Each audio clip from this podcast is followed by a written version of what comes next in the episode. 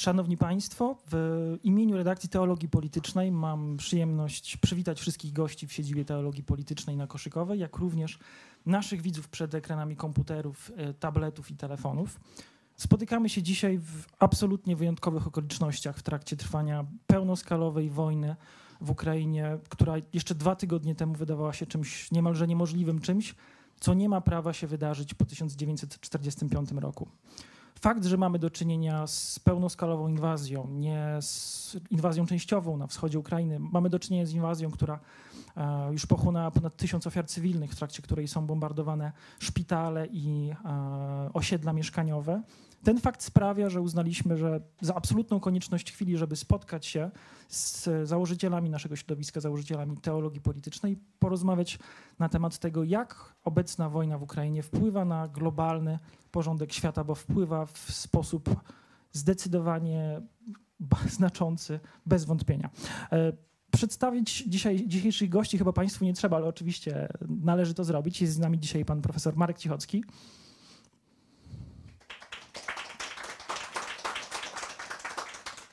Pan profesor Dariusz Gawin.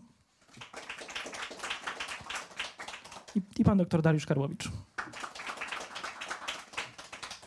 Oczywiście, zanim zaczniemy naszą dyskusję, chciałbym serdecznie podziękować darczyńcom i czytelnikom teologii politycznej, jak również ekipie Blogpress, dzięki której mogą Państwo nas dzisiaj oglądać online. Pierwsze pytanie, które chciałbym zadać, od którego chciałbym zacząć naszą dyskusję, nie chcę wchodzić zbyt głęboko w historię rosyjskiego imperializmu, nie chcę, żeby to była debata stricte historyczna, ale chciałem zapytać, zadać jedno fundamentalne pytanie. Czy mogliśmy obudzić się wcześniej? 24 lutego obudziliśmy się w nowym świecie. Wybudziliśmy się z pewnej liberalnej, dogmatycznej drzemki, że historia wzięła długi urlop, prawdopodobnie już przeszła na emeryturę. Okazało się, że tak nie jest, że to nie jest prawda, ale czy musiało się stać to dopiero teraz? Czy wojny w Czeczeniu, zburzenie Groznego, czy wojna w Gruzji, interwencja w Syrii i wojna na wschodzie Ukrainy, to nie były wystarczające preteksty, żeby Zachód się obudził, że ma do czynienia z państwem bandyckim?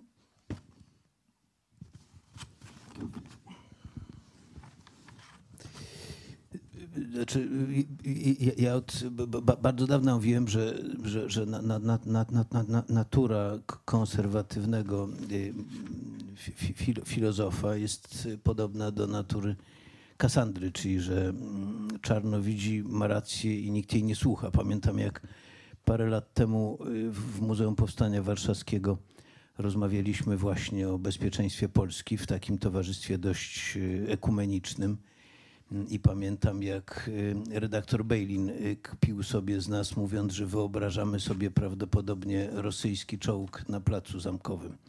Y, no i mówił to oczywiście uba, ubawiony nadzwyczajnie tym ironicznym konceptem, który miał pokazywać, dzisiaj to trzeba wytłumaczyć, wybaczcie Państwo, miał pokazywać wówczas no, skrajną niedorzeczność rozmaitych naszych obaw. Ale oczywiście y, y, również ja jestem zaskoczony tym, co się stało, bo niezależnie od tego, że myślenie poważne o bezpieczeństwie państwa wszystkim wydaje się, wszystkim ludziom pewnej formacji wydaje się zupełnie naturalne, to nie zmienia to faktu, że to, co się stało, jest zaskoczeniem również dla mnie.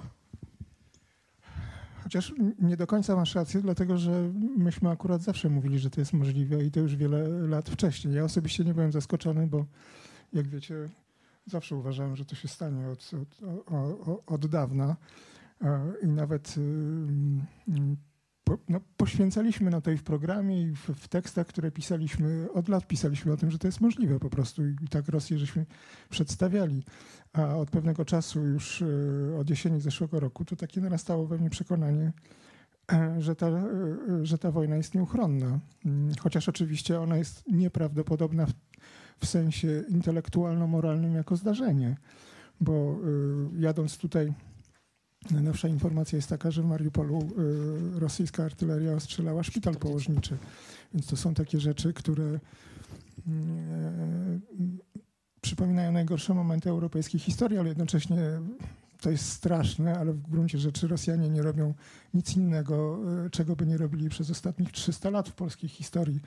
Więc akurat Polacy nie powinni być zaskoczeni. Nawet ci, którzy kiedyś nie wiem, czy Marek opowie anegdotę ze znanym politologiem, który, e, który ci zarzucał, że straszysz wojną z Rosją e, kilka lat temu, to zaraz ci przekażę. Bo, a, no to Roman Kuźner, tak? E, na takiej dyskusji to było w Batorym, czy gdzie, gdzie to było? To gdzieś publicznie było, tak? Gdzie jakby przyjmował, że to jest jakby stopień sianie paniki i tak dalej. To każdy z nas miał trzech takie doświadczenia. My akurat w tym sensie tutaj mieliśmy rację, chociaż nie mamy satysfakcji, bo e, wybuch takiej wojny jakby bynajmniej nie, nie daje człowiekowi satysfakcji, że, że przez wiele lat był jak ten profesor w Don't Look Up, to znaczy, że, że widział kometę, a wszyscy chodzili z nosem przy ziemi. Mm, ja bym powiedział raczej, to mam nadzieję, że potem jeszcze podyskutujemy o tym, że pewne rzeczy poszły też e, po wybuchu tej wojny lepiej niż myśmy się spodziewali, że pójdą. I to też trzeba wyraźnie powiedzieć, bo jak powiedziałem, Wojna jest y, czymś straszliwym, jest y, moralnym skandalem i zbrodnią, ale jednocześnie y, wojnę wygrywa się przede wszystkim głową. I to są pierwsze tygodnie, kiedy są rozedrgane absolutnie emocje, a ten, kto ma, mm, kto potrafi zrozumieć wojnę i ma dostatecznie dużo zdecydowania, ja mówię o społeczeństwach, ten ją wygrywa. Bo wojna to jest też, to trzeba też powiedzieć, wojna od zawsze w cywilizacji Zachodu była sztuką. Zresztą nawet nasza akademia teraz nazywa się Sztuki Wojennej, prawda? I jakby zdolność zrozumienia tego jako wyzwania intelektualnego na, na poziomie politycznym, kulturowym, filozoficznym, nie tylko militarnym i politycznym, strategicznym. Każde społeczeństwo musi mieć jakby ludzi, którzy potrafią myśleć o tym, co się dzieje w takiej dłuższej perspektywie. I yy, no tak, to tak bym tyle, tyle bym powiedział. Myśmy akurat o tym mówili, pisali, nie mamy satysfakcji, bo stała się rzecz straszna, skoro się stała, trzeba ją zrozumieć i opisać. Bo to jest jedno z zadań y, y, ludzi, którzy myślą. Każdy w społeczeństwie powinien robić to, co umie robić najlepiej.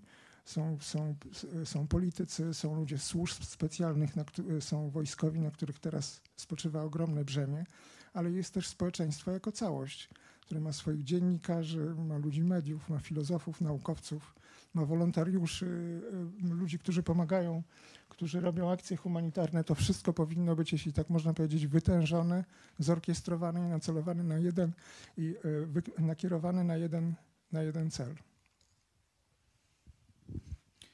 To może ja tylko dodam mm, e, króciutko, y, że tutaj ja się zgadzam absolutnie z tym, że to nie chodzi w tej chwili, żeby, nie wiem, odczuwać mm, jakąś satysfakcję, że, e, że, że, że, mówiło się o tym i że wyszło tak, jak mm, ostrzegano. Pan pytał o to, czy nie można było wcześniej już e, tego zobaczyć. Myślę, że wszyscy bardziej lub mniej, może niektórzy tylko kątem oka, ale, ale widzieli tylko nie chcieli przyjmować tego y, do wiadomości i to jest e, pewna taka wiedza, lekcja trudna, niezbyt optymistyczna w ogóle, jeżeli chodzi o, mm, o funkcjonowanie e, Zachodu w takiej najbardziej mm, pesymistycznej wersji. E, współczesny Zachód jest rzeczywistością, która jest w stanie zmobilizować się wokół, przeciwko zagrożeniu dopiero wtedy, kiedy kiedy właściwie jest już za późno. I być może w ogóle taka jest trochę natura współczesnego y, Zachodu, który powstał y, no, w wyniku y, ponad 70 lat życia w pokoju. Tak? Ja mówię tutaj oczywiście o zachodniej części, mm, o zachodniej części Europy. No i teraz mi się wydaje, że um, trzeba skonfrontować się z tym, co się dzieje. Znaczy, nie można już nie, nie, nie zauważać tego, e, czy ignorować. E, nie mam złudzeń, że jak długo to będzie trwało, to, to jednak znowu będzie się taki odruch po, po, pojawiał w różnych miejscach e, Europy, żeby, no żeby jakoś uznać, że to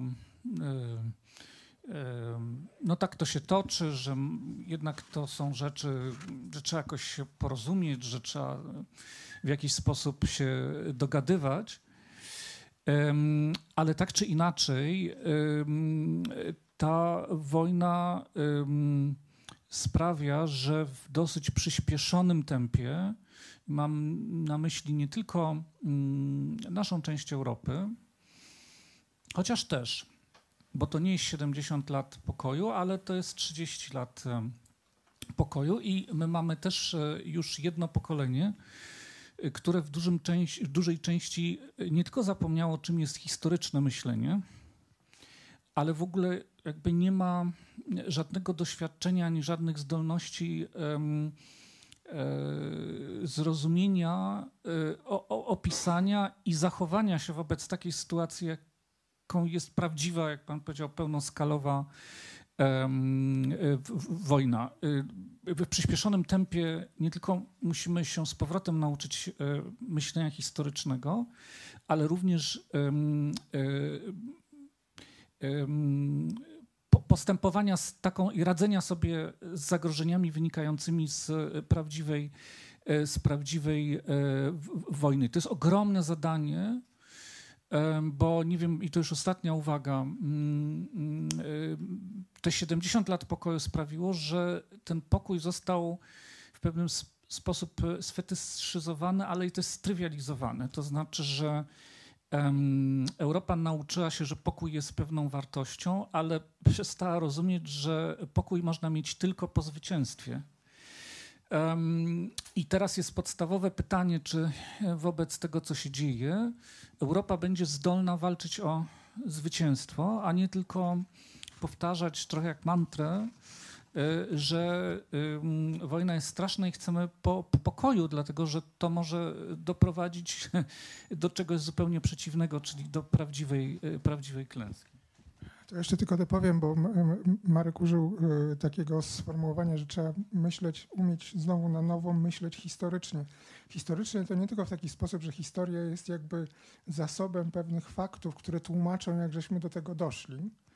E, mm, że była kiedyś, że, że, że, że, że były wojny XVII wieku, że były kozackie, nie wiem, że kiedy Chruszczow przekazywał Krym w 1954 roku, to robił to w, w równą rocznicę Rady Perejasławskiej, która, która poddała Ukrainę carowi e, moskiewskiemu, czyli to są takie Rosjanie to rozumieją, piszą takie eseje, jak, jak, jak Putin napisał. Zachód tego nie rozumie. Zachód jest cały ogarnięty językiem ekspercko-geopolitycznym, w którym to są pewne jakby takie ścierania się sił tu i teraz, które są gospodarcze, ekonomiczne i tak dalej.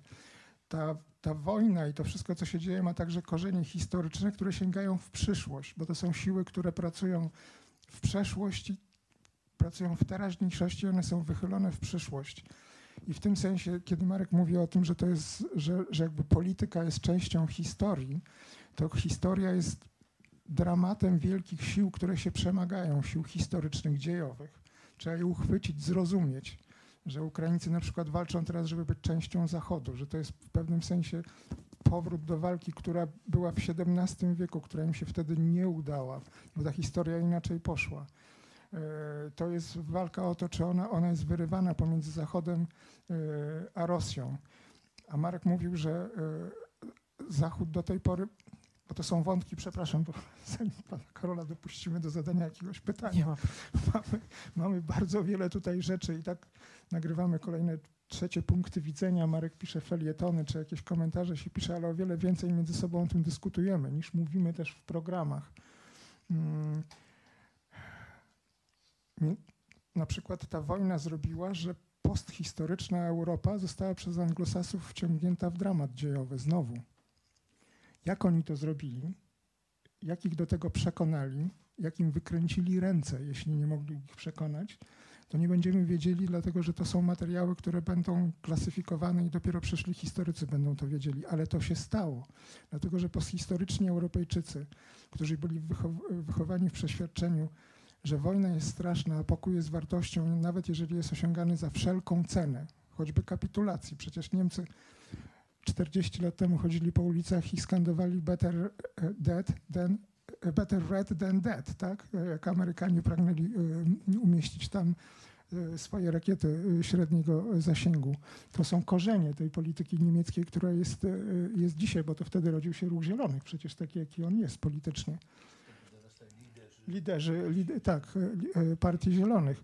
Natomiast anglosasi zachowali tą zdolność myślenia o historii jako przemaganiu się wielkich sił dziejowych, w których jeżeli wojna jest straszna, ale jeżeli się zdarza, to trzeba ją wygrać a nie natychmiast zakończyć na jakichkolwiek warunkach, ponieważ to jest coś strasznego, że trzeba uciec z krzykiem.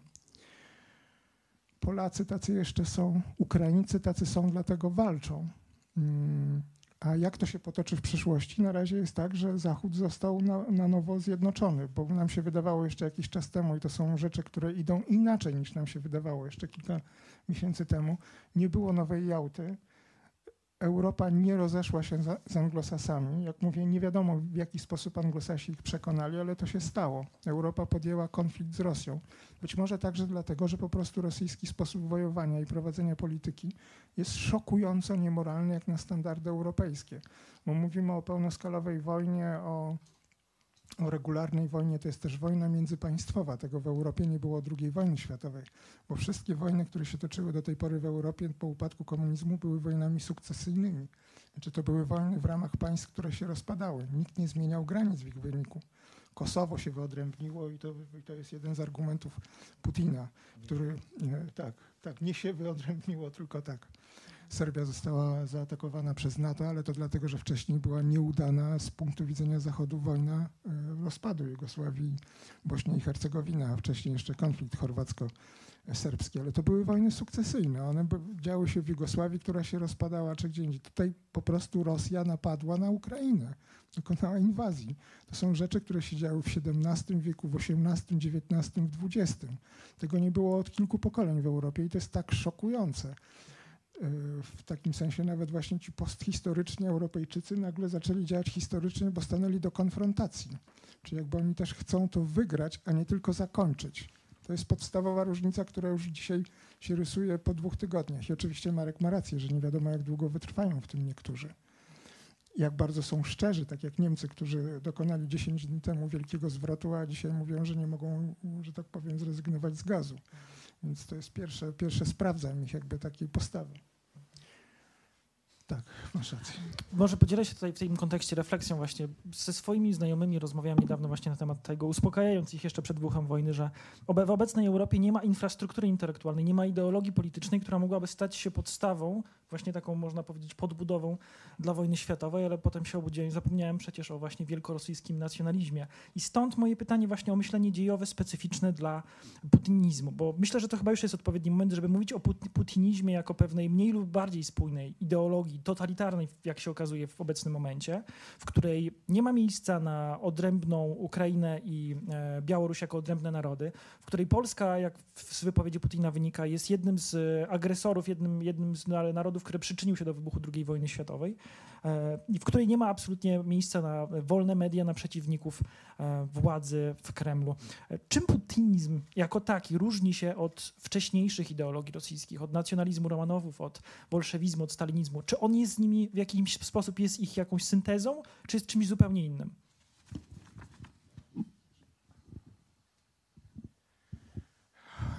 Nad tym trzeba się dopiero zastanawiać, bo y, tutaj są, wczoraj widziałem w którejś z telewizji y, dysydenta rosyjskiego, nie pamiętam nazwiska, który od lat żyje w Polsce i który powiedział, że nigdy w historii y, Rosji ani białej, ani czerwonej Rosja nie rzuciła tak otwarcie wyznania całym, wyzwania całemu światu. Osamotniona, jeśli tak można powiedzieć, w, w tej walce, dlatego że biała Rosja była częścią jednak systemu europejskiego. W I wojnie światowej przecież była sojusznikiem zachodnich demokracji, tak naprawdę.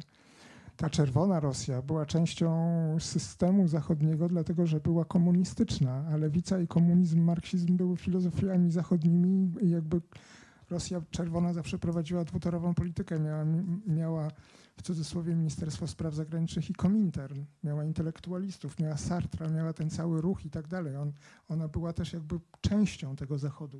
Putin dzisiaj dokonuje tak radykalnego zerwania z tym, co jest Zachodem, europejskością, że właśnie nie wiem, jak uchwycić istotę, mm, on na pewno jest radykalnym złem i dlatego ten odruch moralny taki, że ludzie nie, wielu ludzi nie myśli, że ta wojna musi się skończyć zwycięstwem, dlatego że to zwycięstwo zapewni nowy porządek, który będzie bezpieczny i dla nas korzystny, tylko pierwszy odruch jest moralny. Tak jak bardzo wielu ludzi szło do powstania warszawskiego, nie zastanawiając się nad polityką, znaczy kiedy zło nas chce zabić, należy je pokonać. Bo to jest też taki odruch pokonania zła. A putinizm w tej wersji, jaką teraz e, zaczyna zarysowywać, okazuje się złem radykalnym. I mówiliśmy niedawno e, w programie, że to, co się wydawało taką trochę teatralną nostalgią Putina za stalinizmem, za imperium, za defiladami, za wojskiem, za tym Żukowem na białym koniu, który na Placu Czerwonym robi e, paradę na, na zwycięstwo nad, nad Niemcami hitlerowskimi, że to nie było tylko za, za tym sztafarzem ta nostalgia. On ma w sobie no, totalitarną nostalgię za inżynierią totalitarną, społeczną.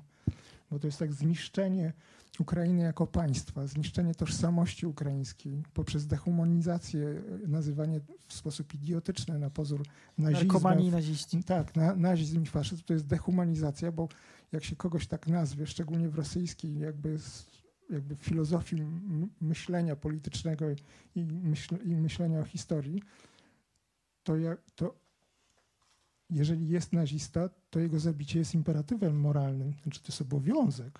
To nie jest tylko interes, to jest obowiązek. No i to jest takie szokujące w putinizmie. On naprawdę ma w sobie pierwiastek radykalnego zła i nostalgię za totalitaryzmem, nie za stalinizmem jako potęgą i imperium, tylko za metodą totalitarną, jaka była właściwą metodą rządzenia. On oczywiście nie jest ludobójcą w tej skali, e, w jakiej był Stalin, chociaż daj Boże, że nie, nie będzie miał szansy, bo teraz wszyscy dyskutują, że w zasadzie nie ma granic, których by nie był w stanie przekroczyć.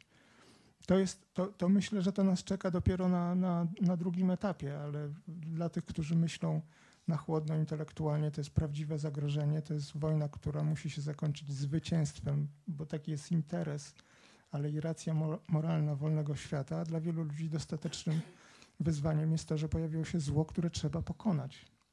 I tacy ludzie, jak zwykle w historii, nie muszą myśleć o tym, co będzie potem, bo to zło już jest, bo to zło nam zagraża po prostu ono jest, y, no, ono jest szokujące. Ja wiem, że oczywiście potem przyjdzie polityka, jakiś pokój, być może szybciej niż, niż później, że czegoś się trzeba będzie ułożyć, ale na razie ten fakt zła moralnego, z którym mamy do czynienia, on jest krzyczący. Tak jak dzisiaj, tak jak teraz powiedzieliśmy, no, strzelanie e, szpitala położniczego. Przecież to straszne jest.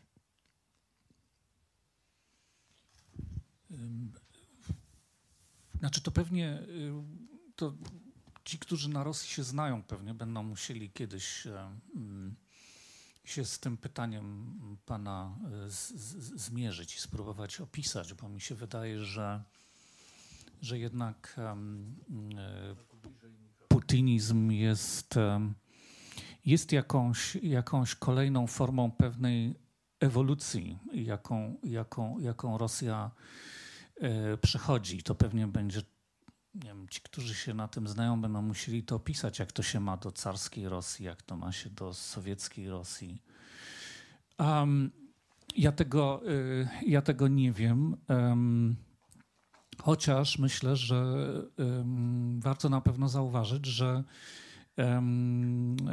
ta forma e, władzy, ta nostalgia też za e,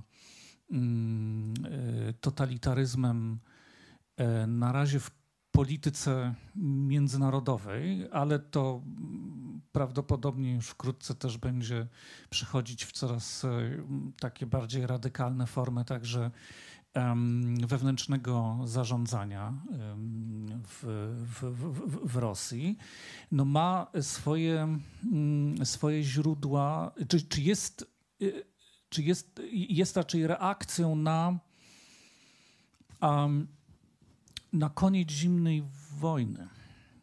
e, to wszyscy sobie powtarzają to, co Putin miał powiedzieć na temat tego największego tragicznego wydarzenia, jakie miał spotkać e, e, Rosjan, czyli koniec zimnej wojny, rozpad Związku Sowieckiego. Ale, ale w, w, wydaje mi się, że, że, że, też kiedyś będzie trzeba się do tego odnieść w sposób bardziej pogłębiony i zastanowić się, jak putinizm wyrasta właśnie z tego doświadczenia historycznego, jakim był koniec zimnej wojny no i właśnie ta sytuacja, w której, która do pewnego stopnia przypomina też ten przypadek niemiecki po I wojnie światowej, ale to jest taka sytuacja, w której um, zimna wojna się skończyła właściwie bez ogłoszenia zwycięstwa i y, zwycięzców i, poko, i pokonanych.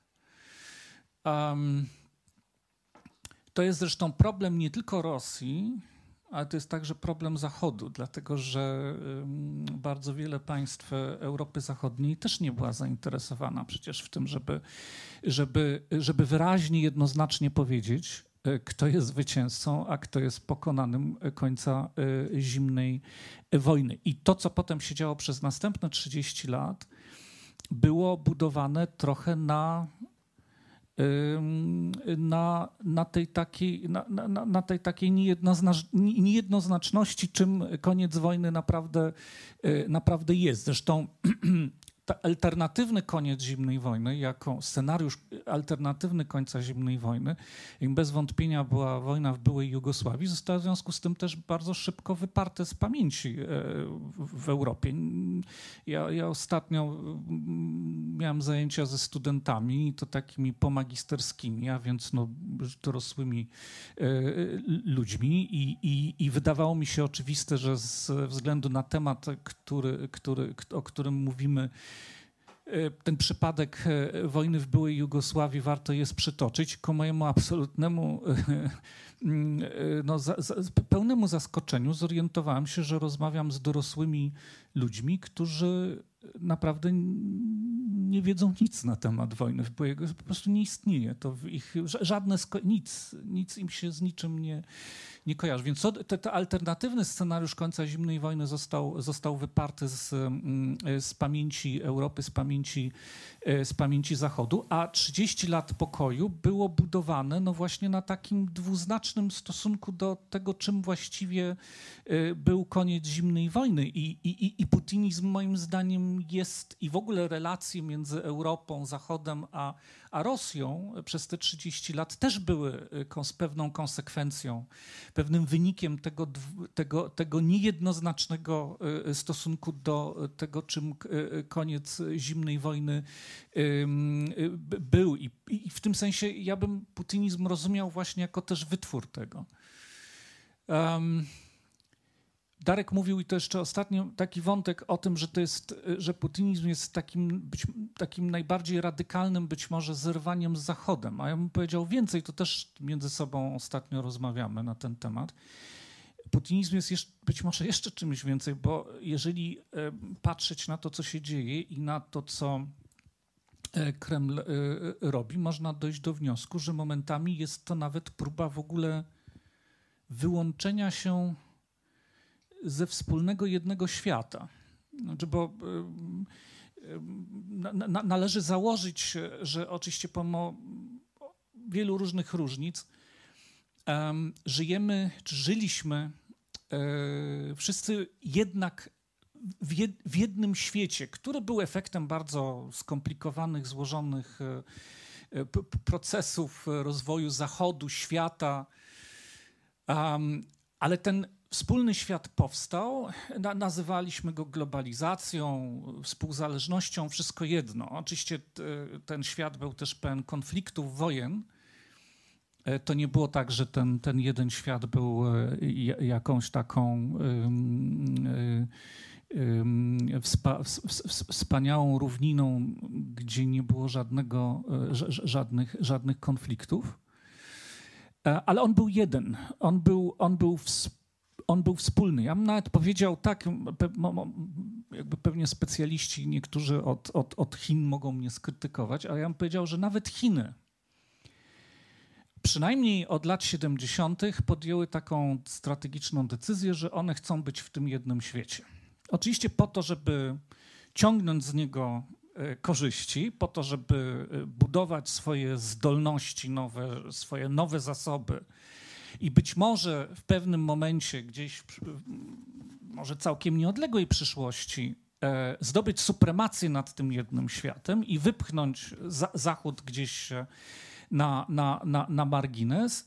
Ale nawet Chiny z tak przecież ogromną tradycją takiego izolowania się od świata zewnętrznego w swojej historii, podjęły y, jednak y, taką strategiczną decyzję bycia w tym jednym świecie. Natomiast to, co w tej chwili robi Putin, zaczyna iść w takim kierunku, i to jest oczywiście sposób, w jaki ta wojna jest prowadzona, ale to też są różnego na przykład rodzaju próby, testy, na przykład odłączenia się od światowego internetu. Um, pójście w kierunku wyjścia ze wspólnego świata. I gdyby rzeczywiście on do tego doprowadził, no to w ogóle mamy jakąś zupełnie nową sytuację z Rosją i jakby zaczynamy się zastanawiać, jakby to miało się wszystko zakończyć i czym to by się miało zakończyć, no to to jest nie lada wyzwanie, bo należałoby sobie odpowiedzieć e, na pytanie, e, gdzie byłoby miejsce Rosji, która by tak się wyłączyła z jednego świata po tej wojnie, bez względu na to, jak długo ona by miała trwać? Jak, w jaki sposób ona by się miała za, za, zakończyć? I czy, czy w takiej sytuacji w ogóle jeszcze byłby powrót do y, jednego świata, czy w ogóle już byśmy się znaleźli w zupełnie nowej sytuacji, której um, nie znaliśmy. Czy mogę tylko pozwolić sobie na sugestię? Czy nie byłoby tam, gdzie Wenezuela, czyli stałaby się pariasem, który dodrukowuje kolejne bezwartościowe banknoty ze zrujnowaną gospodarką, która się nie rozwinęła poza wydobywanie ropy i gazu? No, no, tak, ale wtedy trzeba by się było zmierzyć z taką sytuacją gigantycznego terytorialnie kraju na, na, na, na świecie z po, o, o, ogromnym arsenałem broni nuklearnej, który odgrywałby rolę no, takich gigantycznych, nie wiem, takiej gigantycznej Korei Północnej? Bo tutaj problem jest taki, że skala Rosji, to nie chodzi tylko o skalę Rosji, jej wielkość, populację, bogactwa, które są nieporównywalne z Wenezuelą, ale i o miejsce w historii ambicje Zachodu. Też, też własne ambicje. Ale nie tylko, nie tylko ambicje. Obiektywne miejsce w historii y, zachodniej cywilizacji, bo w tym sensie Rosja od 300 lat w niej uczestniczy i współtworzy historię Europy i Zachodu jako historię świata, w takim sensie, w jakim Zachód tworzył tę historię. Ona jest nieporównywalna do takiego kraju jak Wenezuela, bo y, y, sam mówiłem parę tygodni temu, jak szło na tę wojnę, że jeżeli Rosja ją zrobi, to będzie pariasem i Koreą Północną. Ale to mówiłem, a teraz dopiero to widać, że to się może stać i to jest niebywałe jednak. Bo Korea Północna to jest kraj mały, graniczący, y, y, z, że tak powiem, trzema krajami. Trzech sąsiadów. I nie ma wpływu. Taki, Rosja w sensie intelektualnym dokonuje czegoś takiego, czego on tego nie planował. Putin tego nie planował, bo on myślał, że on wygra tę wojnę i pozostanie częścią jednego świata, bo gdyby wygrał w 72 godziny, jeżeli wygrałby tak szybko, jak Niemcy mówili ambasadorowi niemieckiemu, który powiedział po rozmowach, tak, ukraińskiemu, po rozmowach e, z wysokimi urzędnikami niemieckimi, że dawno nie płakał, ale jak wyszedł z jednego ministerstwa niemieckiego, to się popłakał, bo Niemcy mu powiedzieli, że nie będą mu pomagali, bo to za chwilę się skończy. I wobec tego e, cała sprawa będzie bezprzedmiotowa, bo gdyby bo gdyby już od tygodnia był jakiś, yy, jakaś marionetka w Kijowie, to Niemcy, Holendrzy, Francuzi znaleźliby tysiąc wymówek, dla których powtórnie włączono by Rosję w jeden świat. Oczywiście byłyby jakieś sankcje, byłyby protesty, byłaby zła prasa i tak dalej, ale nie byłoby tego czegoś, co jest teraz i co będzie tylko bardziej. Za najgorszych czasów stalinizmu Amerykańscy, e, rosyjscy sportowcy wyjeżdżali na olimpiady, zdobywali medale, e, pisarze jeździli na kongresy, e, była wymiana kulturalna i tak dalej. W najgorszych stalinowskich czasach.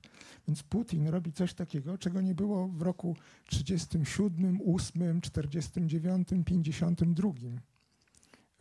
I za chwilę to będzie pogłębione, a na, a na warstwie jakby takiej twardej ekonomii tym bardziej. Więc to jest wielki eksperyment, na który Putin się zdecydował, dlatego że przegrał pierwszą fazę, bo to jest tak, że politykę, Putin, e, politykę Putina i politykę Zachodu i zmianę tej polityki wymusili Ukraińcy swoim bohaterstwem. Jak mówię jeszcze raz, gdyby przegrali w trzy doby, wszyscy by walczyli o, w obronie jednego świata. Francuzi razem z Niemcami i Rosjanami. Amerykanie by najwyżej coś tam mówili. Ponieważ wojna trwa dwa tygodnie i okazało się, że Putin nie może wygrać tak, jak chciał, a prowadzi ją w sposób wobec tego coraz bardziej brutalny, to bohaterstwo Ukraińców zmusiło Putina do wejścia na drogę tego autarkizmu i wycofania się z jednego świata, a Zachód e, do podjęcia walki z nim. Takiej, jakiej jeszcze nikt sobie nie wyobrażał miesiąc, e, miesiąc temu. I podjęcia walki po to, żeby wygrać, bo jakby ta walka została podjęta po to, żeby, żeby Putina obalić co najmniej, albo doprowadzić do sytuacji, w której dokonany zostanie przewrót, chociaż to jest walka długofalowa i to się nie stanie szybko. Ale to, tak jak mówię, weszliśmy na nieoznaczone, nieokartowane, jak to mówią anglosasi, y, obszary oceanu dziejów powszechnych, dlatego że te zmiany wymusili Ukraińcy. Oni wpłynęli na bieg wydarzeń. On nie poszedł po myśli ani jednych, ani drugich. I teraz jakby wszystko zależy od nich, ale i od nas, którzy uczestniczą w tej walce, bo każdy uczestniczy tak jak może. I dokłada się do zmiany tego kierunku, który jest nieoczekiwany dla wszystkich, a się zdarzył. I będzie kształtował e, historię tego pokolenia w taki sposób, że ona się będzie dzieliła na wszystko to, co było do momentu wybuchu tej wojny i co będzie od momentu wybuchu tej wojny. To jest cezura historyczna na naszych oczach, taka jaka się zdarza raz na dwa, trzy pokolenia. Właśnie się zdarzyła 10 dni temu. Teraz nie chciałbym, żebyśmy skupiali się wyłącznie na tym totalitarnym Goliacie, jakim jest Rosja. Chciałbym, żebyśmy też spojrzeli na tego heroicznego Dawida, jakim jest Ukraina, a konkretnie na postać e, Włodymira Zełęńskiego.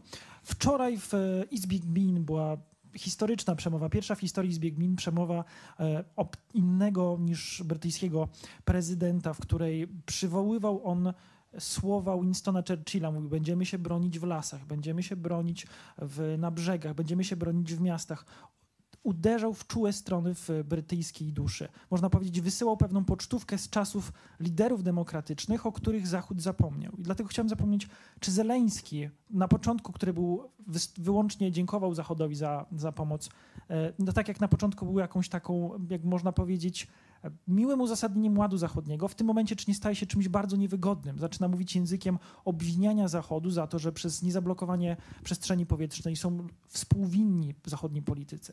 Czy postawa Zeleńskiego nie jest pewnym przypomnieniem o wartościach, ideałach, przez które przez ostatnie 20-30 lat Zachód, robiąc interesy z Rosją, zdradzał? To jest moje pytanie. Znaczy, to, to, no, trudno mieć jakiekolwiek wątpliwości, że Zełański jest największym mężem stanu naszego czasu.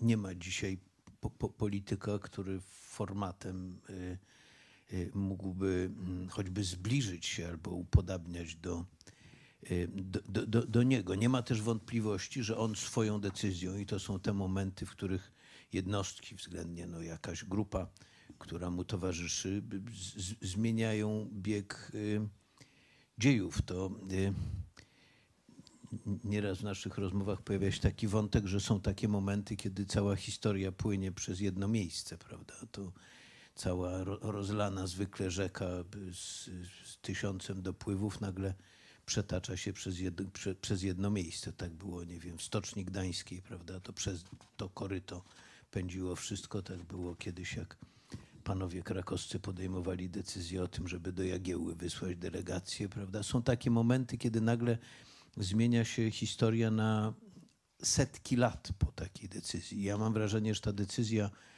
y, z, z, z, z Zełęńskiego, żeby, żeby zostać w Kijowie, y, ma wszelkie, ma, wszelkie, ma wszelkie cechy takiej decyzji. Bo co on zrobił, prawda? Wygląda na to, że właśnie posługując się tym paradygmatem pokój, a nie zwycięstwo. Amerykanie zaproponowali mu ewakuację, prawda, po to, by możliwie szybko doprowadzić do Właśnie, to jest to straszne, zresztą dla mnie przerażające, kiedy wraca w dyskursie mojego kościoła katolickiego, ale to jest ten pokój, w którym nie ma pierwiastka zwycięstwa, prawda? który jest rodzajem zawieszenia broni, za, zakończenia działań y, y, y, wojennych. Prawda? I wygląda na to, że pomysłem na, mm, na reakcję Zachodu na agresję mm, rosyjską było po przeniesieniu rządu y, do zachodniej Ukrainy najpierw obrona jakiegoś wariantu takiego ukraińskiego NRF-u, prawda? Y, względnie y, obrona na linii Dniepru, czy, mm, czy skupienie się powiedzmy na wojnę o Odessę na przykład, prawda? Czy no, no jakiś tego typu model. On mówiąc nie, zasadniczo, zasadniczo zmienił charakter tej sytuacji, prawda? Zasadniczo zmienił charakter tej sytuacji. To bardzo ciekawe, bo y, y, nie, nie tak dawno wiozłem y, córkę z, z, z, znajomej, która uciekła z dziećmi z, z Lwowa i ona mówiła mówiła ta, ta nasza wojna pokazuje, że Putin kłamał. My, dowodzi, my dowodzimy walcząc, że on kłamał, mówiąc, że nie ma ukraińskiego narodu. I to jest prawda. Znaczy, ta wojna dowodzi, że, y, że te tezy wygłaszane we czwartek, znaczy w, w czwartek, na, na, na, tak, w nocy, tak, przed rozpoczęciem wojny, y, polegają na kłamstwie, prawda? Polegają na kłamstwie. Y, coś, czego nie ma, nie jest zdolne bronić się przez dwa tygodnie przed potężną, y, y, potężną armią wroga. I to, i, to, I to zostało już udowodnione i to, jest, i to jest pierwszy skutek tego stanu rzeczy.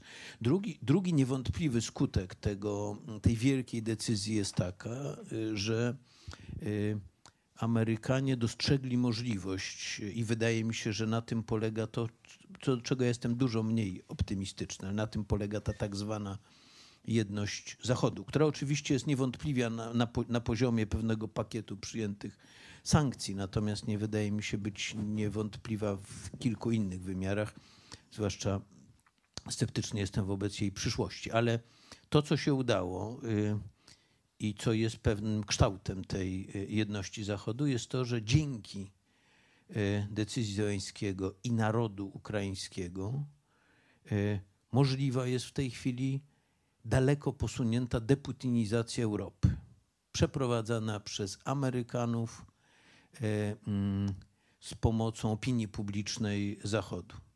Czyli te dwa współczynniki pozwalają Y, doprowadzić do bardzo radykalnej redefinicji kształtu y, Ameryki, kształtu dzisiejszej zachodniej Europy, która została niezwykle głęboko na wielu poziomach od, od organizacji sportowych poprzez biznes, po politykę skorumpowana, tak oczywiście, i, i skorumpowana, zdeprawowana i przejęta przez Rosjan. I to, czego jesteśmy świadkami w tej chwili i o co toczy się dzisiaj ta zasadnicza część, zresztą bardzo niejednoznaczna, bardzo nieoczywista i bardzo nieprosta tej walki.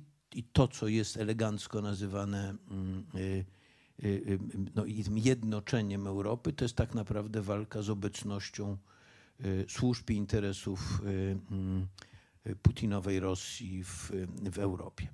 Y, czy można liczyć tu na wielkie sukcesy i na trwałą zmianę? Nie wiem, ale z całą pewnością mm, to są ogromne zmiany już w tej chwili, prawda? Znaczy ta, pamiętacie Państwo tę paniczną ucieczkę premierów i polityków wysokiego szczebla byłych kanclerzy i premierów, prawda, którzy uciekali z rad nadzorczych przerażeni, prawda, to, mm, to, to pokazuje, że jest pewien zwrot. Sam fakt, że wczorajszy Bild, co Marek mi pokazał, pokazuje fragment, w którym Heiko Maas i ktoś jeszcze śmieje się z Trumpa, mm, który mówi o uzależnieniu energetycznym y, y, Niemiec od y, Rosji i że pokazywanie śmiejących się Niemców ma wymiar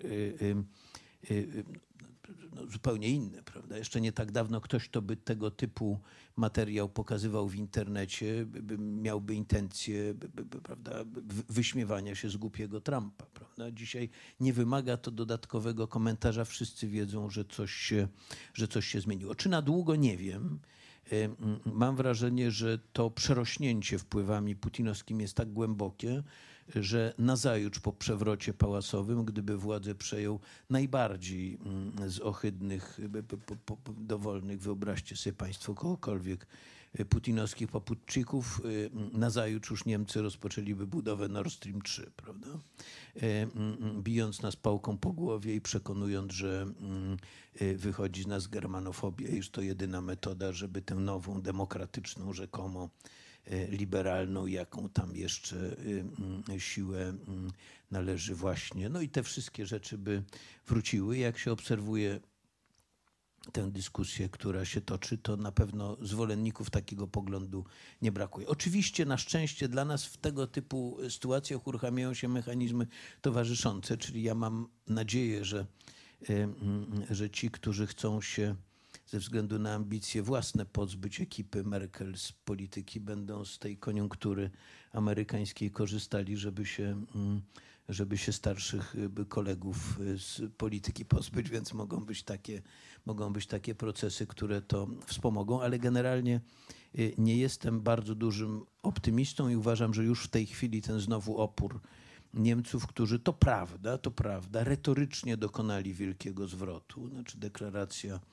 kanclerza wydaje się czymś no, nie, nie do pomyślenia, prawda? Znaczy ja bym powiedział, że y, y, mm, to jest y, z punktu widzenia mojego oglądania polityki, to tak jak mówiłem, ta wojna nas raczej nie zaskoczyła w sensie zasadniczym, to ten zwrot jest rzeczywiście czymś, mm, w co bym nie tak dawno temu nie uwierzył, ale może właśnie dlatego mam takie wrażenie, że obiecano wszystko, bo słowa nic nie kosztują. No to muszę powiedzieć, że mnie szczególnie śmieszy te 100 miliardów na armię, prawda? Bo to wygląda jak wymyślone przez kwota wymyślona nie przez analityków, tylko przez PR-owców, prawda? Ile to jest dużo, proszę Państwa? 73 to jest dużo czy mało, prawda? 38 to jest dużo, 100 miliardów to jest kwota, prawda? Więc y, y, y, znaczy to, to, to, na, tej zasadzie można obiecywać wszystko, prawda?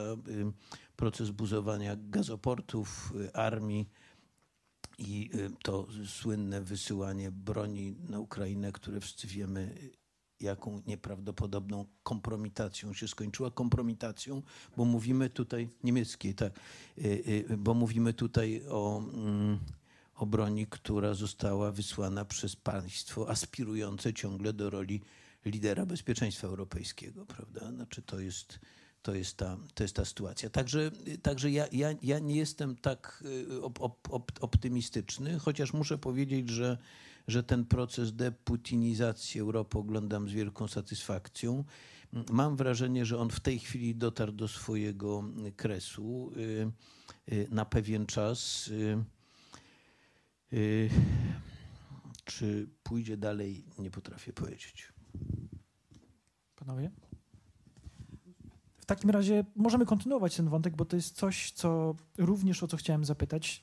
Parafrazując Karla Espersa, problem winy niemieckiej, czyli fakt, że politycy niemieccy od Gerharda Schrödera przez Angelę Merkel pompowali miliardy euro w infrastrukturę e, gazową w, i tworzenie interesów z Rosją i śmiało można powiedzieć o odpowiedzialności Niemiec za uzależnienie Europy od dostaw surowców z Rosji. Czy teraz czy ten obecny zwrot w polityce Niemiec nie będzie oznaczał zbyt łatwego rozgrzeszenia polityki ostatnich 20 lat, która przecież, no, powiedzmy sobie szczerze, no to były strategiczne decyzje podejmowane przez jedno z najważniejszych państw Unii Europejskiej.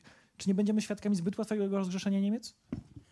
E, to się dzieje, ale też Niemcy, trzeba patrzeć na to, co, nie tylko co mówią, ale i robią. I dlatego powiedziałem, że po paru dniach od wielkiego zwrotu ten sam kanclerz, który dokonał kopernikańskiego przewrotu, powiedział, że Niemcy nie zrezygnują z gazu i ropy e, już, bo po prostu są za bardzo uzależnieni. No. Myśmy mówili im przy, przez 20 lat, że się uzależniają, a teraz oni mówią, że są uzależnieni i, i, i nic, nie mogą, nic nie mogą zrobić, ale też e, mówiąc głębiej, bo tu tak, tak. Zanim oddam Markowi, bo on się najlepiej z nas trzech zna na, na Niemcach i Niemczech, y, to ja bym powiedział, że jest oczywiste, że po pierwsze to jest tak, że Niemcy są współwinne tej wojny i to trzeba, y, i to trzeba po prostu jasno i wyraźnie mówić. To nie jest przejaw żadnej germanofobii, bo no, wstrząsają, no, to przesada, że wstrząsają ale y, uderzają mnie teksty niektórych publicystów, którzy mówią, że nie wolno teraz krytykować Niemców, bo to jest psychoprawica i tak dalej, to jest germanofobia. To, to jest przede wszystkim stwierdzenie y, realistycznej sytuacji i martwi mnie, że niektórzy bezrozumni filogermanie znowu poczuli się uwolnieni od myślenia o przeszłości i uwolnieni do znowu bezmyślnego entuzjazmu. Znaczy, że w jednej chwili wystarczyło, żeby Niemcy dokonali e, kopernikańskiego przewrotu, żeby znowu stali się liderem. Znaczy, jeżeli ktoś najpierw był liderem, prowadząc przez 20 lat błędną politykę, to musi odzyskać pozycję lidera, prowadząc konsekwentnie dobrą politykę i to przez dłuższy czas, a nie tylko przez tydzień. I to, i, i, i to nie retoryczną. I to nie jest żadna germanofobia, to nie jest jakaś, to nie jest jakaś obsesja i tak dalej. To jest trzeźwy osąd tej sytuacji. Mówię to też dlatego, że Niemcy są potrzebni.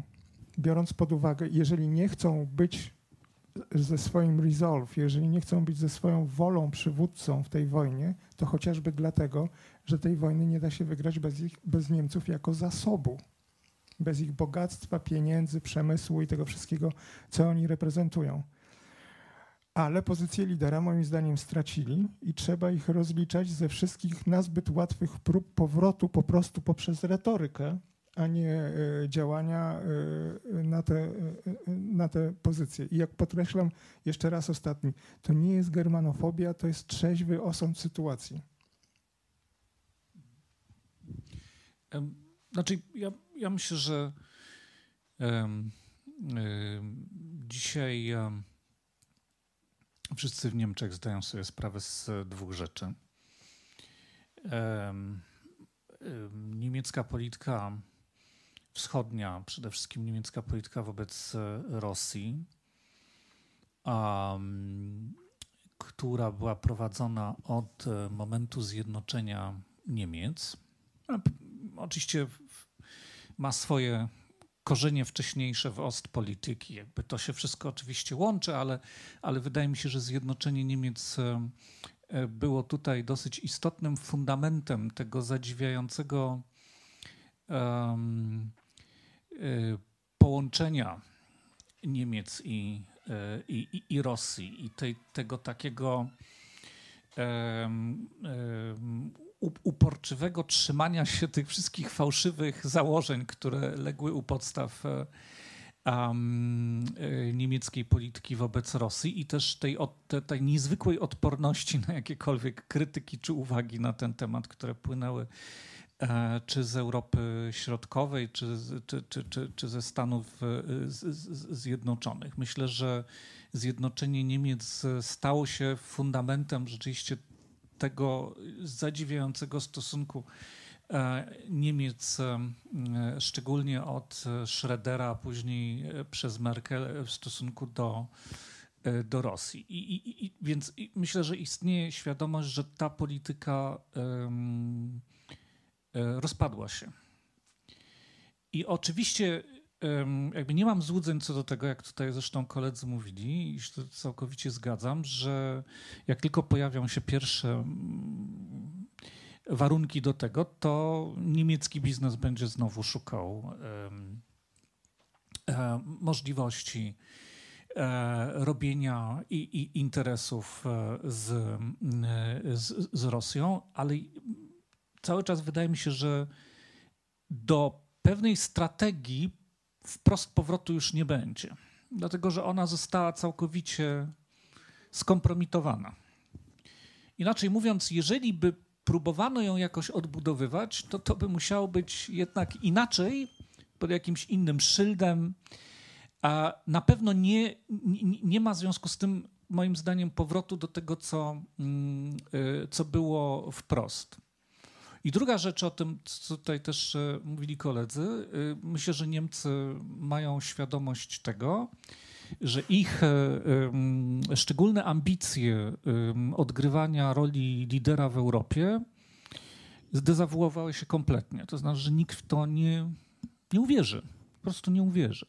I zresztą wydaje mi się, że to był jeden z podstawowych impulsów tej zmiany, którą, na którą y, kanclerz Scholz się zdecydował. To jest ucieczka do przodu. I to akurat moim zdaniem świadczy o jego przytomności. Jak całkowicie Y, rozpada się y, twoja strategia polityczna, no to mm, jakby możesz pozostać y, stojąc całkowicie obnażony na środku sceny, albo możesz próbować wykonać właśnie taką ucieczkę do przodu i myślę, że Niemcy próbują dokonać właśnie takiej, takiej ucieczki do, do, do, do przodu. Tylko, że tutaj zaczynają się schody. Po pierwsze dlatego, że o ile mogę sobie wyobrazić jakąś taką polityczną determinację, która by doprowadziła do tego, że przynajmniej część tych zapowiedzi została zrealizowana, czyli naprawdę odbudowano by niemiecką armię, która notabene jest, tak jak Darek powiedział, bardzo istotnym strategicznym zapleczem dla naszego bezpieczeństwa. Um, jeżeli jestem w stanie sobie wyobrazić e, to, że jednak Niemcy będą się e, decydowały na odchodzenie od e, uzależnienia od rosyjskich surowców i faktycznie terminal gazu skroplonego zostanie w Niemczech e, wybudowany. To też jest zresztą jakby świadectwo jakby ślepoty tej polityki, która była prowadzona przez Schrödera i przez Merkel. Tą praktyczną, taką zimną, wykalkulowaną e, Merkel, która przecież jakby no wydawało się, że bardzo twardo stąpa po ziemi. Proszę Państwa, Niemcy nie mają terminala na gaz skroplony. Nie mają po prostu nie mają. To po... Chociażby mogli mieć pięć, dokładnie. E, mogliby sobie wybudować. Um, więc jestem w stanie sobie wyobrazić, że y, jestem w stanie sobie wyobrazić, że, że, że, że to może powstać. To jest wtedy pewna konkretna strukturalna zmiana. O tyle, o wiele bardziej sceptyczny jestem w stosunku do y, niemieckiego społeczeństwa.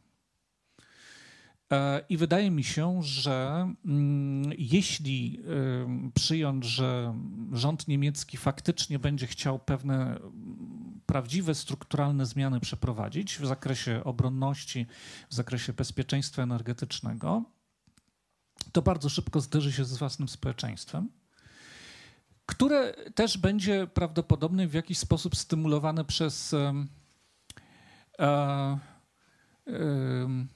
będzie stymulowany zewnętrznie.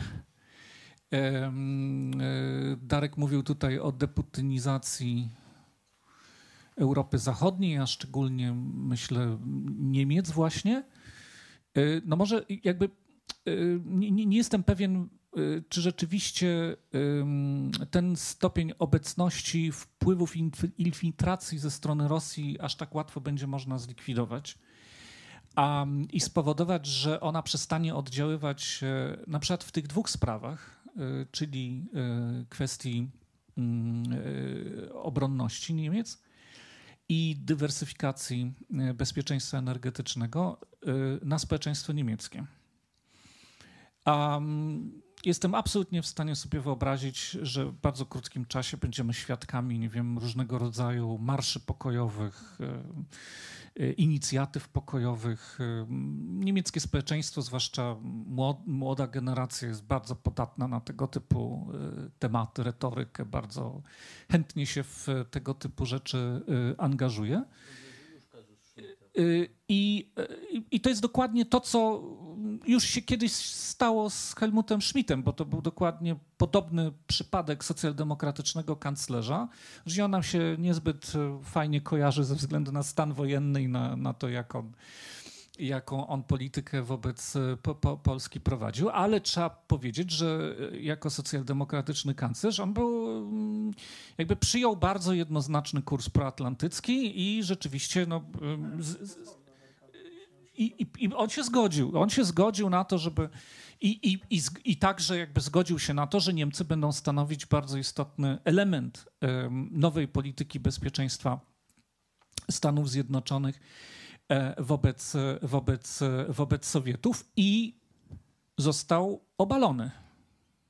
Bo tak się właściwie skończyła polityczna kariera Helmuta Schmidta jako kanclerza. Został obalony i został obalony przez swoich.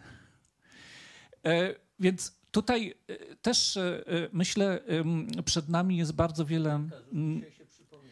Tak, ten kazus dzisiaj się w Niemczech coraz częściej przypomina. Mówi się o nim właśnie w kontekście tej decyzji, jaką Scholz podjął i którą będzie musiał, no jeżeli chce utrzymać swoją wiarygodność, zrealizować. Natomiast, i chciałbym skończyć może taką uwagą, bo tutaj była też mowa o jakby tym, jak, jak, jak u nas tą zmianę się traktuje i że albo mamy do czynienia jakby z e, takim hura optymizmem tych, którzy mm, zawsze chcą widzieć w niemieckiej polityce same dobre wiadomości dla nas i nie wyobrażają sobie, żeby i że, że, że, że Niemcy się tak nie wyobrażają sobie, że Niemcy mogą się mylić albo że mogą coś źle robić. E, albo tych, którzy no, e, e, są hiperkrytyczni wobec Niemiec i dla których Niemcy stanowią główny punkt odniesienia krytyki, szczególnie jeżeli chodzi o europejską politykę. Wydaje mi się, że mm, trzeba na to spojrzeć na zimno, co się dzieje w Niemczech. Trzeba to potraktować jako szansę dla nas. Ale co to by miało oznaczać? No proszę sobie wyobrazić, że na przykład rzeczywiście Niemcy te y, mityczne 100 miliardów tak, zainwestowałyby w, w swoją, swoją armię. I to w taki efektywny sposób, to znaczy w taki, który by faktycznie dokonał jakiejś rewolucyjnej zmiany niemieckich sił zbrojnych, które y, Merkel rozmontowała, bo to też trzeba bardzo wyraźnie powiedzieć, mówiliśmy o różnych e, błędach polityki Merkel, no to ja, ja bym z całą pewnością dorzucił do tego też to, że Merkel rozbroiła Niemcy. Kompletnie rozbroiła Niemcy. Zresztą rękoma swojej minister, minister obrony obecnej przewodniczącej Komisji Europejskiej Ursuli von der Leyen, doprowadzając do sytuacji no, niebezpiecznej z punktu widzenia w ogóle ogólnego europejskiego bezpieczeństwa. I teraz, dlaczego ja mówię, że ta zmiana powinna być przez nas potraktowana jako szansa? Oczywiście w tym tkwią również różnego rodzaju zagrożenia, ale, ale być może to nie jest moment, żeby aż tak bardzo o nich mówić, bo to się, te zagrożenia mogą ewentualnie, może tak, to jest y, dobry moment, żeby o nich zacząć myśleć, ale może nie jest jeszcze dobry moment, żeby o nich zacząć, zacząć, zacząć mówić. Y, raczej to jest dobry moment w tej chwili, żeby wykorzystać tą zmianę w Niemczech jako szansę do tego, żeby wciągnąć Niemcy z powrotem do NATO. Bo, na, bo Niemcy właściwie pod rządami Schroeder i pod rządami Merkel przynajmniej jedną nogą wyszły z NATO. I to jest e, e, z punktu widzenia naszego bezpieczeństwa bardzo, bardzo niedobra sytuacja bo ona doprowadziła do tego, że Niemcy doskonale funkcjonowały w całym środowisku e, bezpieczeństwa europejskiego, ro, mogły bezpiecznie robić e, wielkie interesy, bo, bogacić się. Jednocześnie przy wielkiej retoryce, którą, e, którą się posługują i moralizowaniem na, na, na, na wszystkie możliwe tematy, wyzbywając się jakiejkolwiek realnej odpowiedzialności za bezpieczeństwo naszego e, naszego kontynentu, a nawet działając, tak jak w przypadku Nord Streamu, e, na, na, na, na szkodę tego, tego europejskiego bezpieczeństwa. Więc to jest moim zdaniem, znaczy ja uważam, że to, co my powinniśmy zrobić w tej chwili, to chwycić e, Olafa Scholza za rękę i trzymać go bardzo mocno i, e, i dokładnie sprawdzać, e, czy to jest realizowane i czy to jest realizowane jako strategia wciągania Niemiec z powrotem do, do NATO. Tylko z takim zastrzeżeniem, że to NATO będzie cały czas kierowane przez Amerykanów. Bo ja bym tu dopowiedział to, to co, no właśnie, bo NATO to NATO i to jest tak, że niech nie będzie tak, że to, co Niemcy opowiadają jako szok po tej wojnie i zmianę ich wielką polityki, e, pomoże Francuzom coraz ładniej opowiadać o tym, że Europa powinna być suwerenna i posiadać własną siłę zbrojną, bo wtedy to się źle skończy. Właśnie z tym zastrzeżeniem, że, że Niemcy na powrót włączone w Zachód mm, uznają przywództwo amerykańskie w NATO, którego oni na powrót powracają jako jeden z najważniejszych członków, ponieważ mają zasoby, nawet jeżeli nie mają woli. Jak nie mają woli walczyć z Rosjanami na bagnety i budować wojsk pancernych, bo po prostu tak mają po wojnie, że się, że się tego boją po prostu, bo to jest kwestia jakby kilku pokoleń pacyfizmu, to niech mają Niech mają lotnictwo, niech mają, niech mają baterie patriotów, których mogą sobie nakupować tyle, ile chcą, bo mają na to pieniądze. I w sytuacji takiego kryzysu na przykład te, te, tę broń przeciwlotniczą przesyłają do nas albo do Bałtów, jeżeli będzie zagrożenie, bo Bałtowie w ogóle nigdy nie będą mieli swojego lotnictwa i nie będzie ich stać na patrioty, a nas będzie stać zawsze na dużo za mało w stosunku do tego, czego potrzebujemy. To takie Niemcy są ok. Takie są ok. Pan panie Dariuszu, chce pan zabrać głos jeszcze? No jeszcze słowo, znaczy ogromny problem polega na tym, że Niemcy wychowane są w jakby fa, fa, fa, fałszywej, fałszywych realiach bezpieczeństwa, prawda? Znaczy życie tak długo nie tylko w pokoju, ale pod parasolem natowskim wytworzył wrażenie, że bezpieczeństwo jest czymś danym, prawda? O czymś, o co nie trzeba zabiegać, prawda? To, to jest to jest niedorzeczność. Ja to wepchnięcie, czyli wypchnięcie Putina z Niemiec i wepchnięcie Niemiec do NATO traktuję jako sprawę absolutnie priorytetową wobec, wobec planu budowy armii, bo budowa armii przez Niemcy, które są tylko jedną nogą w NATO, jest najgorszą możliwą wiadomością dla Polski, znaczy dla Polaków. Nie, nie, nie chcę Niemców stojących tylko jedną nogą w NATO z armią za 100 miliardów. Znaczy to, to byłby najgorszy możliwy finał tego mm, wielkiego zwrotu. Nie mówiąc o tym, że nawet w NATO armia niemiecka taka to nie jest coś, co przyjmuję z entuzjazmem, no ale to, to akurat może rzeczywiście jest y, rzecz, o której dzisiaj już o przyczynach tego nie, nie należy mówić.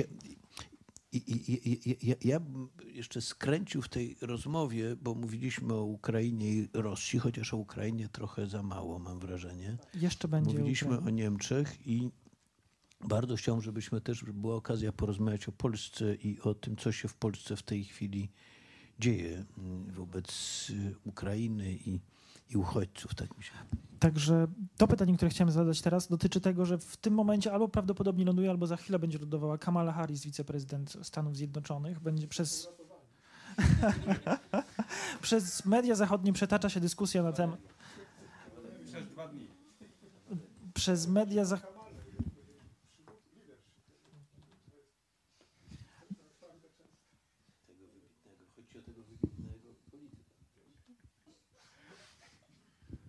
Przez media zachodnie przetacza się dyskusja na temat tego, dlaczego Polska nie zdecydowała się samodzielnie przekazać naszej floty MiGów-29 e, Ukrainie i chce zrobić to za pośrednictwem USA. I chciałem zapytać, jak w obecnej sytuacji globalnych e, sojuszów bezpieczeństwa Polska może wesprzeć Ukrainę, żeby sama nie wepchnąć się w wojnę? Jak w tej sytuacji, w której znaleźliśmy się obecnie, moglibyśmy wesprzeć Ukrainę jako, jako państwo, które postrzegamy w przyszłości jako strategicznego sojusznika, jednocześnie nie wchodząc krok za daleko, będąc popychanym przez NATO. Nie, będąc popychanym przez Amerykanów. Przez Amerykanów. I przez Anglosasów. I to jest bardzo dobre ćwiczenie z realizmu politycznego i z, z takiego umiejętności e, uprawiania e, polityki w tych nowych warunkach. A żeby nie mówić tylko o samolotach, to Polacy moim zdaniem dobrze zdają ten egzamin na razie. Dlatego, że my zawsze byliśmy romantykami i tak się zawsze u nas kłócili się pozytywiści z romantykami. To jest tak, taka, tak, takie szkolne, manichejskie przeciwstawienie dwóch modeli uprawiania polityki polskiej.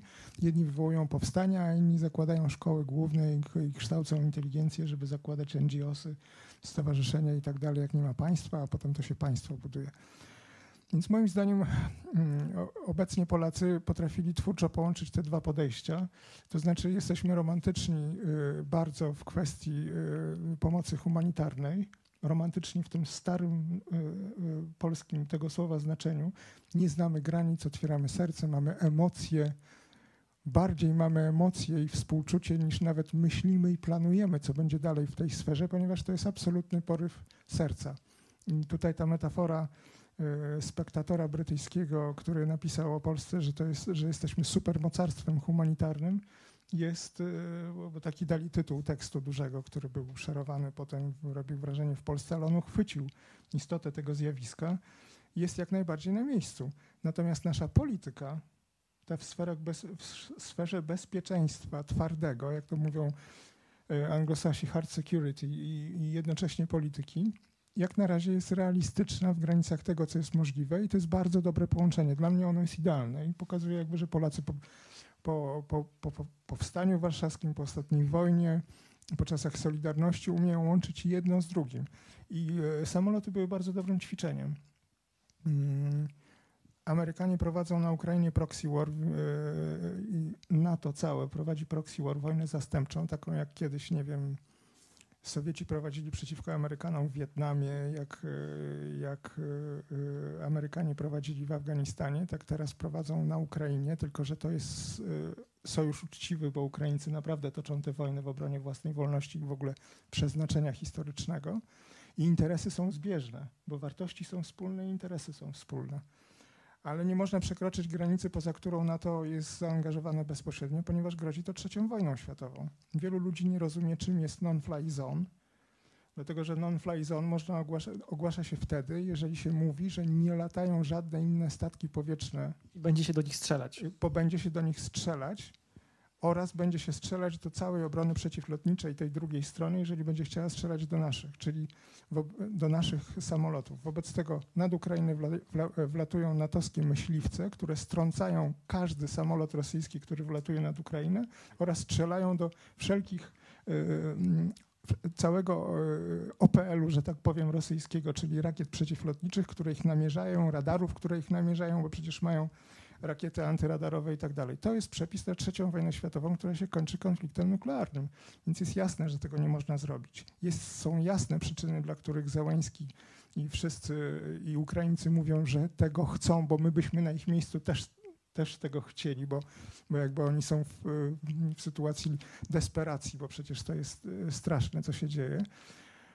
Ale ta proxy war ma także te swoje takie reguły i wszystko było w tej odpowiedzi amerykańskiej wczoraj. Znaczy, Amerykanie chcieli, żebyśmy my dali Ukraińcom samoloty i że była to sprawa pomiędzy nami a Ukraińcami. A jak Polska zasugerowała, że je zawiezie do Ramstein, czyli to się staje kwestią amerykańsko-niemiecką, bo tutaj jest to, to było bardzo, że tak powiem, powiedziałbym, sprytne, że Niemcy też by się stawali stroną, to nagle się okazało, że to jest zbyt ryzykowne. Znaczy coś, co jest zbyt ryzykowne dla Amerykanów, Niemców i całego NATO, nie jest zbyt ryzykowne dla nas. No to ja dziękuję. Znaczy to, a to krótkie ćwiczenie i myśmy moim zdaniem to zdali, czyli romantyzm w e, humanitaryzmie, pomaganiu, otwarcie serca, poryw kompletny i tak dalej, jakby takie absolut, absolutne uwolnienie e, współczucia, też wspaniałe, to zostanie na wieki i będzie kształtowało także realną politykę, bo tego Ukraińcy i, i, i świat nie zapomną. Ale już bez takich e, szaleństw, że my sami, że od razu i tak dalej, dajemy samoloty, bo nawet gdybyśmy mieli dać samoloty, to by musiało być zrobione w kompletnej tajemnicy, a nie na, że tak powiem, konferencjach prasowych, które zaczyna zresztą taki geniusz hard e, security jak komisarz Borrell. czy wysoki przedstawiciel do, tak, no, minister spraw zagranicznych w cudzysłowie Unii Europejskiej, Hiszpan, który jest osobiście zainteresowany i dużo wie, zna Rosję, że tak powiem, jest jako Hiszpan jest z tej części świata, która tutaj się wojny światowe przedaczały i tak dalej, który jest wobec tego uprawniony do tego, żeby być tak prędkim e, w słowach. Czyli odpowiadając z mojej perspektywy na to pytanie, to jest romantyzm plus realizm. Polacy obecnie udowadniają, że potrafią to robić. Nie wiem, jak długo będziemy potrafili to udowadniać i w jednej i w drugiej sferze. Czy, czy w, w sferze humanitaryzmu przejdziemy do realizmu, a w sferze polityki do romantyzmu, nie daj Boże. Na razie jest dobrze i oby tak było dalej. No, znaczy, tru, trudno, nie być, y, trudno nie być y, rzeczywiście w, w, no, w, głęboko poruszonym tym, co w Polsce oglądamy, bo to jest rzecz właściwie bez, bez precedensu.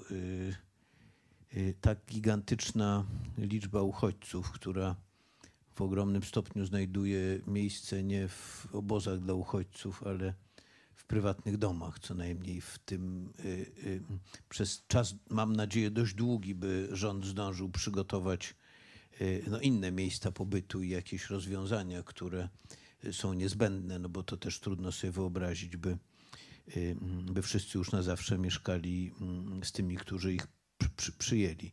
To jest rzecz nie, nie, nie, nie, nie, niebywała.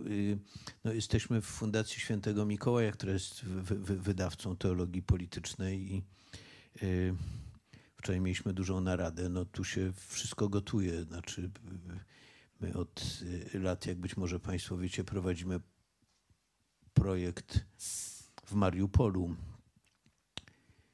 Y, dzisiaj bez kontaktu z naszymi przyjaciółmi, którzy go prowadzą ze względu na oblężenie i ostrzał. Wczoraj mieliśmy informację, że nasza y, współpracownica, liderka tego projektu żyje. No to tyle o tym wiemy, ale uruchomiliśmy działania no bardzo, bardzo duże związane z, y, z pomocą, podobnie jak wiele różnych organizacji. Myśmy akurat poza no, całym szeregiem mniejszych przedsięwzięć otworzyli. Mm, ostatnią sobotę y, no, taki wielki hub magazynowo-przeładunkowy obok Chorzowa, liczący 3000 metrów kwadratowych, gdzie będziemy zarówno wysyłać sami, jak i przyjmować pomoc z całego świata i kierować ją pod y, wskazane adresy w Ukrainie, co no, jest bardzo ważną rzeczą w takiej pomocy, bo wiemy, to mamy tam po prostu kontakty dość duże, współpracujemy z y, z y, mm, Maltańczykami z y, dawnego Stanisławowa, dzisiaj Iwanow-Frankiwska, którzy no, pomagają nam to wszystko y, od strony ukraińskiej mm, ko koordynować. Więc no, oczywiście wszyscy to robią, nie ma z nami tu niestety głównej bohaterki Janny Paciorek, która tę umowę podpisała. Udało się to wszystko dość szybko uruchomić. Bardzo jestem z tego dumny, ale mam też uczucie, że po prostu jesteśmy jednymi tej z, z, no, z milionów ludzi, którzy, którzy nie mogą spać, nie mogą powstrzymać łez, oglądając wiadomości, czytając internet, y, którym drżą ręce i którzy mają y, nieprzezwyciężalne poczucie, że nie są w stanie zrobić tyle, ile powinni. I to jest y, i to jest przemożne uczucie dzisiaj wiszące nad, nad całą Polską. To było zdumiewające w rozmaitych rozmowach, że nawet ci, którzy wydaje się od rana do nocy z krótką przerwą na sen robią tylko to, y, tej, tem u, u, uczuciu, że robią nie dość i, i nie tyle, ile powinni i nie w takim stopniu, bo y, ono ich po, po, pochłania i, i nad nimi panuje. Więc to jest rzecz y, niezwykła i, i, i, piękna. I to jest też ten jeden z takich wielkich, takich wielkich epifanii tego, co ludzkie dzisiaj w Polsce oglądamy i też, mm, i też to jest coś niezwykłego. Ja mam w związku z tym takie dwie bardzo ważne przestrogi, bo mm, jakkolwiek ja nie należę do tych, którzy, bo mam nieraz takie wrażenie, że jak dzieje się w Polsce coś pięknego, to słychać tupanie, bo przebierają nogami ci, którzy chcieliby e, mm, znaleźć okazję do wyrażenia swojego obrzydzenia e, y, ludźmi y, ze szczególnym uwzględnieniem Polaków. Tak. Y, Więc dzisiaj oni są y, bie- biedni i nieco speszeni, ale pewnie niedługo się mm, odezwą, y, pozbierają się tak. I, y, I pozbierają się dość rychło z dwóch powodów, które chciałbym z tej okazji skorzystać, by o tej sprawie powiedzieć, bo ona jest bardzo ważna.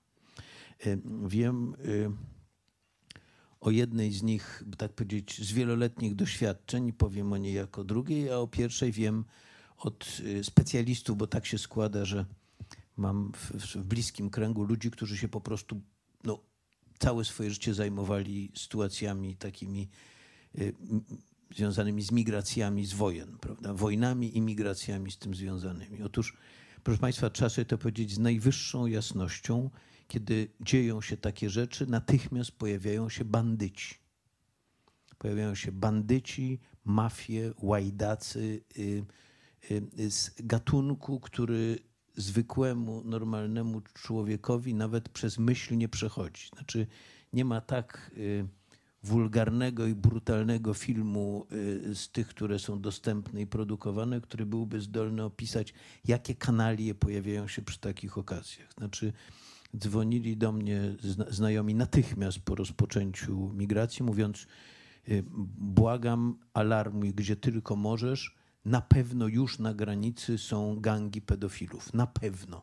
Oni są zawsze w takich miejscach. Tak. Także chciałbym skorzystać z tej okazji i powiedzieć Państwu tak, miejmy oczy szeroko otwarte. Mm, Bandyci, oszuści, kanalie, pedofile, mm, handlarze ludźmi już są już są z całą pewnością. Oferują podwiezienie, oferują pomoc, przyjeżdżają w imieniu rzekomych rodziców i wujków, którzy już czekają i tak dalej, i tak dalej. Z całą pewnością krążą na y, y, dworcu centralnym, którym panuje niestety, mówię to z przykrością, chaos. Y, Oni już tutaj są i wielki apel, no policja mam nadzieję o tym wie, służby mam nadzieję wiedzą, powinniśmy wiedzieć o tym i my, prawda?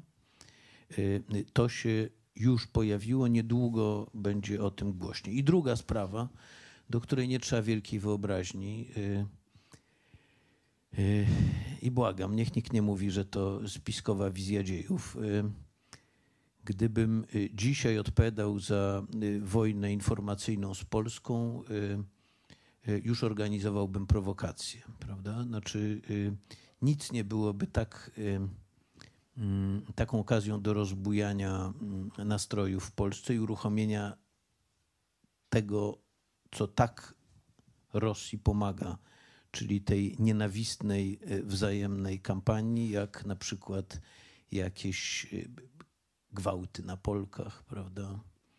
Gdzie przy zamordowanej ofierze znaleźć będzie można paczkę ukraińskich papierosów, prawda? Obrazek Stepana Bandery. E, i tak dalej, i tak dalej. Powiedzmy sobie jasno, dla tych, którzy potrafią ogień artyleryjski kierować na osiedla mieszkaniowe, tego typu zabiegi nie są niczym szczególnie trudnym do wyobrażenia.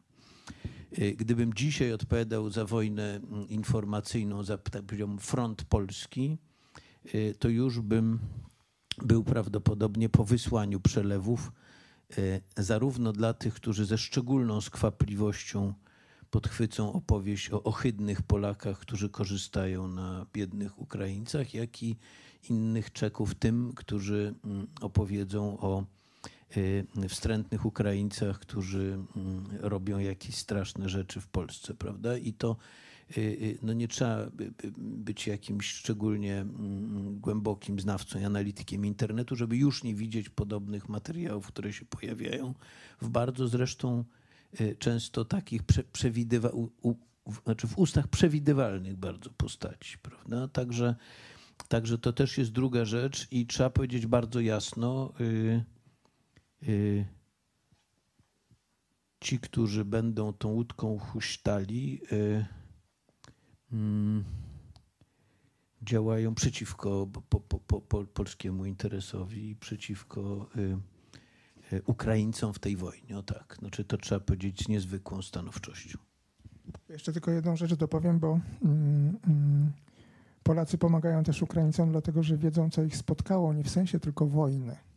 Ich spotkała napaść ze strony Rosji.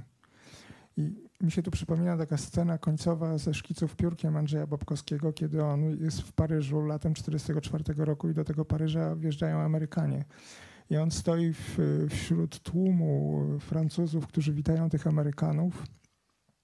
Zdaje sobie sprawę, że w pewnym momencie widzi, jak Amerykanie palą Chesterfieldy i to jest jakby, to jest, to jest ten symbol wolności, jakby takiego e, tego wyzwolenia, ale jednocześnie zaczyna płakać.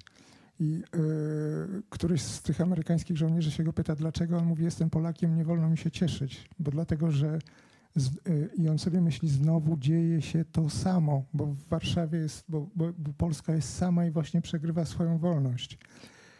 I y, my po prostu y, dobrze wiemy, na co by byli skazani Ukraińcy, gdyby inni ludzie nie byli z nimi. Oni by byli sami. Tak jak Warszawa w 1944 roku, tak jak byliśmy wiele razy w naszej historii. I to jest to. To nie jest tylko ludzkie, to jest także zrozumienie ich umiejscowienia w czasie i przestrzeni. Narodowe, historyczne. Na co byliby narażeni, gdyby nie, e, gdyby nie mieli nas? Gdyby nie mieli Amerykanów, gdybyśmy nie potrafili chodzić i kołatać po całej Europie, żeby była z nimi. Bo to nie jest tylko odruch przerażenia wojną, to jest odruch napaścią rosyjską, która na przykład e, potrafi nie tylko strzelać do e, kościoła, do szpitala położniczego, ale jeszcze skłamać potem i we własnej telewizji mówić, że Ukraińcy sami ostrzeliwują swoje osiedla mieszkaniowe. Bo to nie jest tylko, bo to nie jest tylko przemoc, ale i kłamstwo. To jest kompletna napaść, gwałt kompletny taki, jak to tylko Rosjanie potrafią. I Hiszpanie, Portugalczycy, nawet Anglicy, którzy to oglądają, widzą po prostu cierpiących ludzi i to jest dostateczny powód, żeby im pomagać.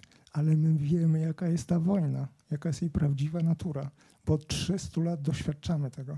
A po raz pierwszy od 300 lat jesteśmy po drugiej stronie tej kurtyny historycznej, która dzieli Zachód od tego wschodu, na którym wyprawiają się takie rzeczy.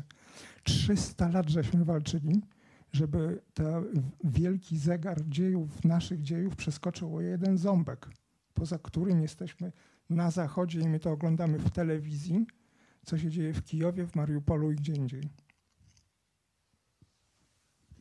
No tak, ale dlatego, dlatego ten obowiązek nie jest też po prostu tylko y, zwykłym obowiązkiem humanitarnym, ale jest czymś więcej, tak, bo jest oddawaniem no, pewnego rodzaju długu, tak też po prostu. Ostatnie pytanie już z mojej strony, bo czas nasz powoli dobiega końca. Scenariusz dla Ukrainy. W obecnej sytuacji wygląda na to, że pierwsza ofensywa się zatrzymała, Rosjanie przegrupowują siły. Kolumna kilkudziestokilometrowa, która miała być uderzeniem e, idącym na Kijów od bodajże już pięciu dni stoi cały czas ze względu na problemy, prawdopodobnie problemy logistyczne. Czy w obecnej sytuacji, kiedy Ukraina jest w stanie otrzymywać dostawy wyrzutniej rakietowych, systemów, no, nie systemów, wyrzutni przeciwlotniczych, bo nie systemów przeciwlotniczych, będzie w stanie bronić się tak długo, aż rosyjska gospodarka będzie się wykrwawi i Putin, który nigdy nie przyznał się do błędu i nigdy się nie wycofał, skapituluje. Wiem, że to bardzo mam prawdopodobne, ale jakie panowie mają scenariusze obecnie dla Ukrainy? Syntetyczna wypowiedź. Znaczy my nie jesteśmy ekspertami, więc yy, yy, yy, oczywiście bardzo interesujemy się i bezpieczeństwem, i wojskowością, i i tą wojną i Rosją, ale wolą unikać takiej, y, takiego tonu, w którym my byśmy udawali jakichś ekspertów z think tanku, prawda? To y, zacznę od tego, że powiem, że nie ma słów uznania, które nie należałyby się dzisiaj Ukrainie. Znaczy to jest y, to jest to jest heroiczna obrona w, w, stopniu, którego y, też historia Europy od wojny nie widziała i to jest, y, i to jest coś niebywałego, prawda? I no, trudno znaleźć słowa dość wzniosłe, żeby wyrazić podziw dla tego, co robi, e, co robią i władze ukraińskie, i armia, i w tej chwili też społeczeństwo ukraińskie jako całość. I to wiemy z setek relacji, prawda? Ci ludzie z, y, y, z koktajlami Mołotowa, z siekierami w ręku, prawda? Którzy przed każdą wioską y, czekają, by bronić każdej z osobna mm, przed agresorem, najeźdźcą. To jest rzecz nie, nieprawdopodobna. Oczywiście to nie jest moment taki, w którym, jak się nie jest ekspertem, powinno się rozważać scenariusze bardzo szczegółowe, tak mi się wydaje. Nadzieja w Bogu, w tym, co Dariusz Gawin zawsze mówi, a co ja lubię za nim powtarzać, że his, historia zawsze przychodzi z boku, prawda? E, mm, tutaj można powiedzieć, wyskakuje z boku, prawda? Y, czyli, że, że to, co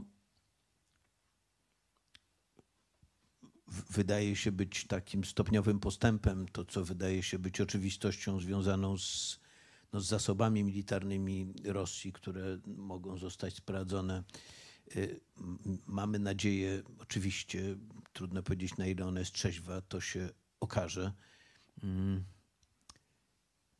że okaże się w pełnej skali to, co się okazuje dzisiaj w skali szczegółowej, to znaczy, że mm, potęga rosyjskiej armii przynajmniej w niektórych wymiarach okazała się efektem PR-owskim, prawda? Czyli, że, mm, że to, mm, czy powstaje nadzieja, że to wszyscy, ca, całe te siły, które są w Ukrainie, to w zasadzie jest nieomal wszystko to, czym Rosjanie dysponują do tego typu działań, prawda? Ale oczywiście ja tego nie wiem, trudno to, trudno to powiedzieć.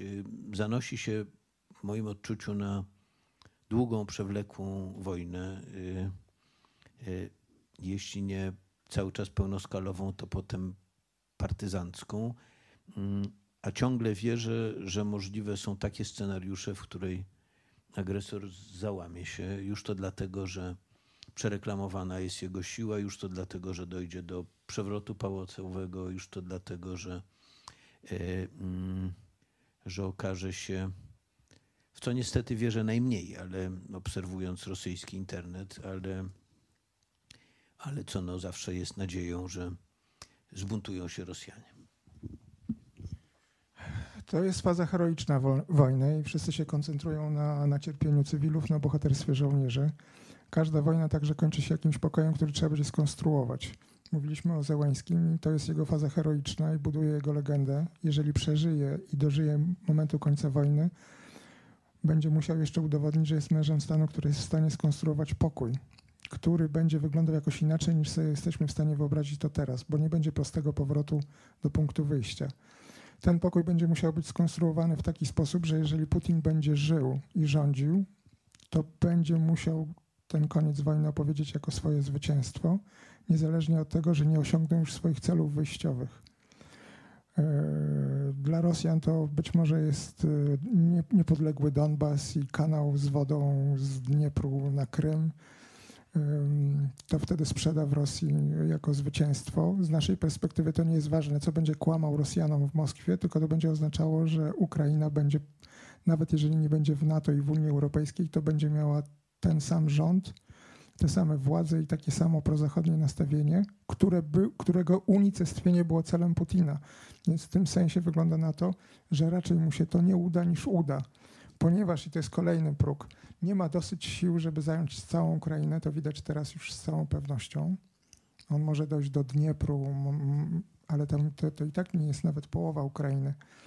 Żeby zrobić coś więcej, musiałby przestawić Rosję na wojnę totalną jako organizm państw, na wszystkich poziomach funkcjonowania ekonomii, wo, e, na poziomie wojskowym, społecznym, kulturowym, propagandowym, policyjnym i, i, i tak dalej. To oznacza powszechną mobilizację, bo musiał mieć tych żołnierzy do osiągnięcia celów totalnych na Ukrainie już nie 200 tysięcy jak teraz, tylko 500 tysięcy, milion. To powszechna mobilizacja jest ryzykowna politycznie dla takiego systemu. On, znaczy, ile razy kłamał w ostatnich miesiącach i latach, to wszyscy wiemy, więc powiedział 8 marca rosyjskim kobietom, czyli matki uspokoił, że nie zrobi mobilizacji, a za miesiąc powie, że taka jest historyczna, dziejowa konieczność i potrzebna jest mobilizacja. I zamówienie o tym, że mobilizacja jest niepotrzebna, będzie 10 lat łagru albo tam czegoś, tak jak teraz za 15 lat można dostać za to, że się mówi, że jest wojna, a nie specoperacja w Donbasie. Pewne rzeczy i tak już się stały. mm, on nie osiągnął swojego celu, ponieważ Ukraińcy udowodnili. Ukraińcy na przykład są w takiej sytuacji, że przecież Zachód nie był całkiem świadomy istnienia Ukrainy jako narodu. To było takie. Oni byli zawsze w innej pozycji niż Polacy, czy inne narody historyczne, jak to się politycznie niepoprawnie mówiło w XIX-wiecznej historiografii. Byli na poziomie największego narodu z tych, które nie są historyczne. Nie, nie mieli swoich królów, nie, nie, młody naród w tym sensie. Znaczy ja wiem, że była Ruś, Kijowska i tak dalej, ale wiecie Państwo o co chodzi. Nawet Polska, która miała 200 lat zaborów, była, że tak powiem, czymś znajomym dla Europejczyków. No nie wiedzieli, że jest Polska, bo był Chopin, bo był Jan III Sobieski, bo to, tamto i tak dalej. Byli pisarze i jakby byliśmy częścią. Myśmy zawsze oczywiście uważali, że poniżej naszych możliwości to nas obrażało, wściekało, denerwowało, ale byliśmy obecni w świadomości Europejczyków była Solidarność, był papież. Putin chciał zrobić tak, żeby nie pozwolić, że Ukraińcy wejdą i zadomowią się w świadomości ludzi Zachodu jako pełnoprawny uczestnik rodziny europejskiej. I oni już tymi dwoma tygodniami raz na zawsze to sobie wywalczyli, niezależnie od tego, jak wojna pójdzie. To już jest kompletna przegrana. E, tak, są Europejczykami, wszyscy będą teraz wiedzieli, że istnieje taki kraj jak Ukraina, że Kijów jest jego stolicą, a Ukraińcy są narodem. Niezależnie od tego, jak skończy się wojna. Yy, czyli w tym sensie już Putin przegrał, bo Putin zrobił wojnę po to, żeby unicestwić Ukrainę ukraińską i wrócić do Ukrainy sowiecko-rosyjskiej. Czyli takiej, która jest tylko jakby, jeśli tak można powiedzieć, ukraiński jest dialektem, tak?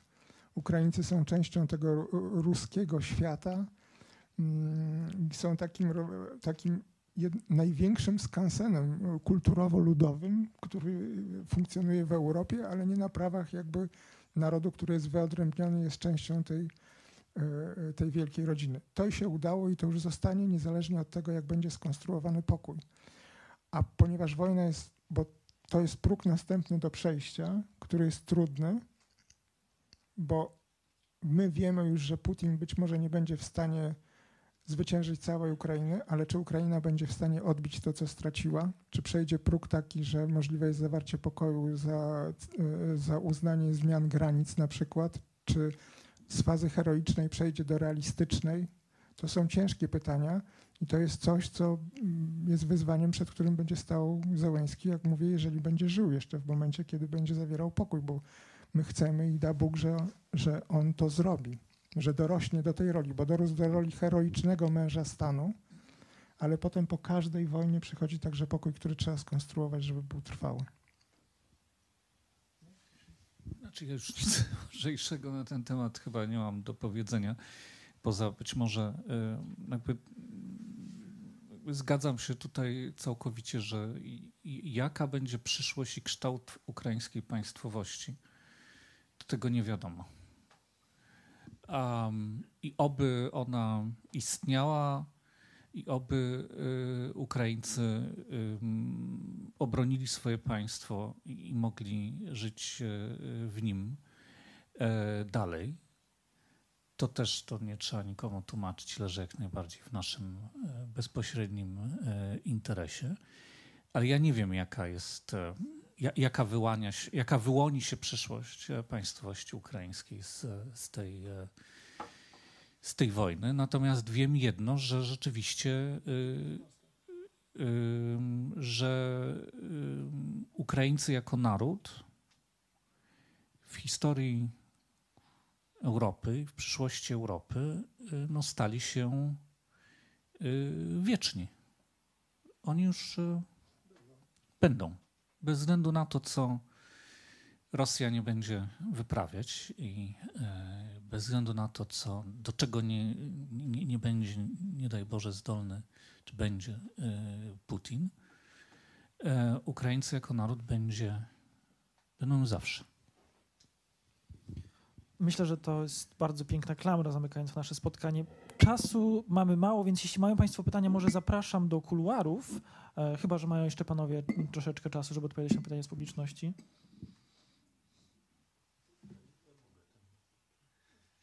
No dobrze, to w takim razie tam było pierwsze pytanie, drugie, trzy pytania maksymalnie w takim razie i będziemy kończyć. Dziękuję. Panowie nie dotknęli zrozumiałych powodów, oczywiście będąc historykami, e, istotnego aspektu ekonomii.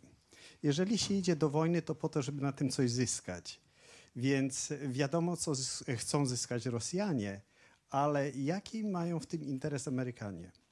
Wydaje mi się, że przede wszystkim, czy Putin wygra, czy przegra, Amerykanie na tym zyskają ale no, to jest oczywiście już sprawa inna do rozważenia. Druga to jest, jeżeli chodzi Państwo, e, podnieśli punkt, e, e, co się stanie z Niemcami po tym wszystkim.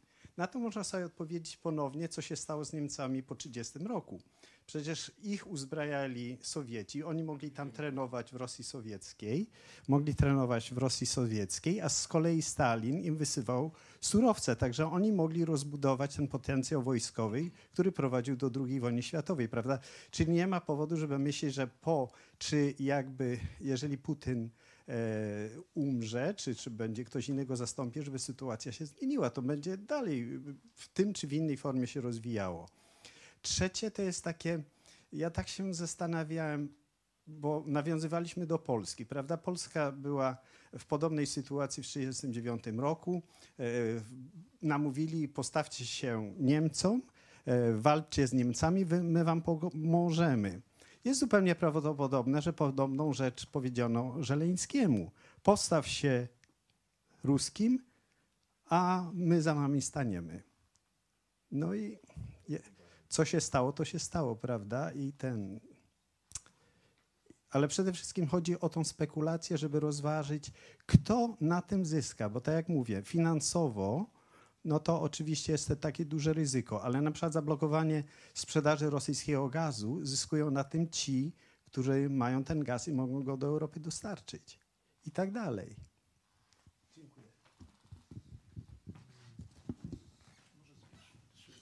Dobrze, to zbierzmy pytania. W każdym razie bym nawiązał do, do Remigiusz Worycki, do pierwszego pana, drugiego pytania, mianowicie o sprawy Nie Niemiec. Tam pan Gowin mówił, że kompletną klęskę po, po, po, mm, miała armia niemiecka za pani y, Merkel i jego, jej rządów. Natomiast przede wszystkim y, katastrofa polegała na tym, że ona zlikwidowała wszystkie elektrownie atomowe, czyli od, odcięła się zupełnie od y, najtańszego źródła energii i w takim razie tak to wygląda w cyfrach. Francja ma 7, 17% uzależnienia od ropy i prądu. Niemcy 55%, a na przykład Czesi 100%. Więc w związku z tym Niemcy są w sytuacji katastrofalnej i nie będą mieli możliwości wyjść z tego no tak, no, w tej chwili. Tak? To, to, to jest drugi proces. To, nawiązując do Pana wypowiedzi. Natomiast pierwsza rzecz, pierwsze pytanie dotyczyło mm, Ukrainy i możliwości agresji. Otóż Y, ja pamiętam y, szachownicę Brzezińskiego. On już wtedy mówił, że Ukraina jest rzeczą y, podstawową dla euro, euroazjatyckich planów Rosjan. Jeżeli nie będzie Ukrainy albo Ukraina będzie w NATO lub w Unii Europejskiej, to jest ważniejsze niż Polska, w, w tych samych, w tych samych instytucjach, dlatego że Ukraina, bez Ukrainy nie ma e, Imperium Rosyjskiego. I e, potem e, w 14, 2014 roku Amerykanie dokładnie to zrozumieli, bo co się stało? Dlaczego Putin nie wchodzi jak w masło? Dlatego, że Ukraińcy są przygotowani przez sztabistów, y, również w NATO i y, amerykańskich, bo mieli od 14 roku przeszkolenia wojskowe, o tym się nie mówiło, ale y, to jest fakt, dlatego że oni są bardzo dobrze przygotowani do tej wojny i od 14 roku Amerykanie dostarczali broń Ukraińcom. Także oni mają w zasadzie pełną jakby kontrolę nad, nad tą sytuacją, że tak powiem, partyzancką. No nie mówię o samolotach i tak dalej. Więc to nie jest tak, że Zachód przespał albo Amerykanie w ogóle nie, nie, nie, niczego nie robili. Od 2014 roku bardzo aktywni byli, tylko oczywiście w sposób dyskretny. Jeżeli chodzi o pana pytanie dotyczące Putina, co Putin zamierza, jaka jest jego filozofia historyczna. Wydaje mi się, to jest takie moje zdanie, ale on wraca do koncepcji, do koncepcji tak jak po rewolucji francuskiej wróciła stara, stary porządek, i czyli wróciła restauracja. I Putin realizuje restaurację czerwonego i czerwonego caratu, jak to mówił Kocharzewski. Czyli on wraca do Imperium Rosyjskiego, ma portret Piotra Wielkiego u siebie w gabinecie, zamordował y, Litwinienkę, jak to by zrobił na przykład y, Iwan Groźny, trując i to jeszcze w sposób perfidny, tak samo innych w Anglii swoich przedstawicieli KGB, to, to po prostu jest powrót do imperialnych korzeni rosyjskich i sowieckich. Tutaj w tym, w tym wypadku mamy powrót do Stalina, do tego, co e, znamy bardziej e, e, z historii współczesnej. Także on realizuje to, co by się nazywało restauracją, ale nie restauracją jakiejś tam koncepcji na przykład Piotra Wielkiego, tylko on chce zrestaurować po nieszczęsnym Gorbaczowie i jeszcze gorszym Jelcynie imperium w XXI roku chce odtworzyć imperium. No, proszę Państwa, ale czy Brytyjczycy są w stanie odtworzyć imperium, Francuzi czy Holendrzy? To jest pytanie, które e, retoryczne, które zadaję. Więc e, to jest. I e, ostatnia rzecz, mi się wydaje, że jeżeli chodzi o. o to, to tyle, bo nie chcę za, za, za dużo czasu zabrać.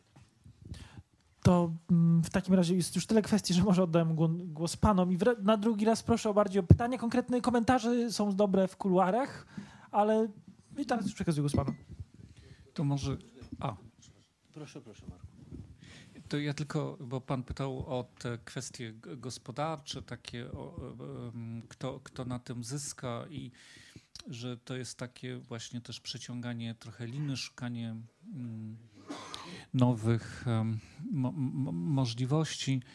Myśmy o tym tutaj dużo nie mówili, ale no bo siłą rzeczy koncentrujemy się na, na, na, e, na wojnie w Ukrainie i, i, i tego, jak ona się, jakie ona ma znaczenie dla, dla Europy, dla, dla Zachodu, też dla amerykańskiej polityki, ale oczywiście trzeba pamiętać o tym, że to nie jest e, tylko i wyłącznie, jak Darek powiedział, przepraszam, proxy war między Zachodem a, a, a Rosją, czy też właściwie Rosją, która, która walczy z Zachodem, ale że to się dzieje oczywiście w znacznie szerszym planie.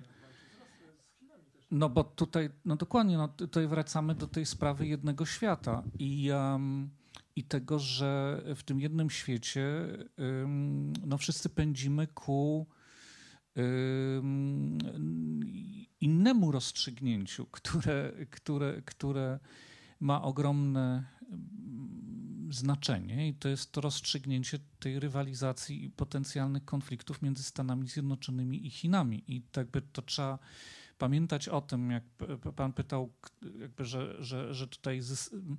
Tak, ta, ta, ta wojna jest, jest, jest wielkim przyspieszeniem i e, też takim momentem dokonywania się bardzo istotnych e, przesunięć, dużych tektonicznych przesunięć w geopolityce, w geoekonomii, także w planie tego globalnego konfliktu, y, jaki wzbiera i do którego zdążamy między Stanami Zjednoczonymi i Chinami. I to jest też ciekawe patrzeć, jak, y, jakie będzie to miało konsekwencje dla Rosji w relacji z Chinami. I na ten temat było bardzo dużo spekulacji. Ja bym się posłużył tylko taką, oczywiście e, wielką historyczną analogią, ale płytką, bo tak jak cały czas powtarzamy, dobre analogie historyczne są, mówią coś tylko wtedy, jeżeli są płytkie, a więc nie należy ich traktować tak bardzo no, jakby no do końca na serio, jako, jako sposób e, wytłumaczenia czy opisywania rzeczywistości. Mi się wydaje, że jakby bo pan mówił o, o, o, tym, że Putin chce odbudować imperium, tylko że odbudowa, odbud jakby rosyjski imperializm, oczywiście oprócz e, tego kierunku wschodniego, no jednak zasadniczo, no chociażby jak z Piotrem I właśnie, czy Katarzyną II, czy też Iwanem Groźnym jeszcze wcześniej, to był imperializm, który był zasadniczo zwrócony na zachód. To, to, y, jakby to, to, to, był, to, to był kierunek, po, w którym podążał zachodni imperializm. Y, Putin osiąga przeciw, y, jakby, jakby skutki, niezamierzone skutki nie tylko dlatego, że grzęźnie w Ukrainie, nie tylko dlatego, że doprowadził do tego, że Ukraińcy potwierdzili się jako jako, jako, jako naród i walczą o swoje, mm, o swoje państwo, ale również y, przeciwny skutek osiągnął poprzez to, że jego działania mogą zasadniczo y, y, na długo i na trwale, mimo wszystko, odepchnąć Rosję od tego zachodniego kierunku i doprowadzić do sytuacji, w której, i tutaj jest ta analogia, no dojdziemy do jakiejś nowej wersji dawnego moskiewskiego państwa, które no nie już tam pokłony robi w Saraju, tylko w Pekinie. I staje się e, jakiegoś rodzaju instrumentem E, chińskiej polityki, co z punktu widzenia Rosji i Rosjan jest w ogóle bardzo skomplikowaną rzeczą, bo ja nie wierzę w to, żeby w Rosji nie było dość inteligentnych Rosjan, którzy rozumieją, co to by dla Rosji oznaczało, gdyby rzeczywiście znalazła się w takiej, takiej pozycji. Więc oczywiście myśmy tutaj o tym aż tak dużo nie mówili, ale o tym wielkim planie trzeba cały czas, cały czas y, pamiętać. Dla nas zasadnicza jest ta wojna, która się dzieje tuż za naszą y, granicą, ale, ma on, ale ona ma ogromne konsekwencje i tak naprawdę trudno jest, pan pytał o scenariusze dla Ukrainy, czy trudniej jest tak naprawdę zarysować jakieś scenariusze w tym właśnie szerokim planie?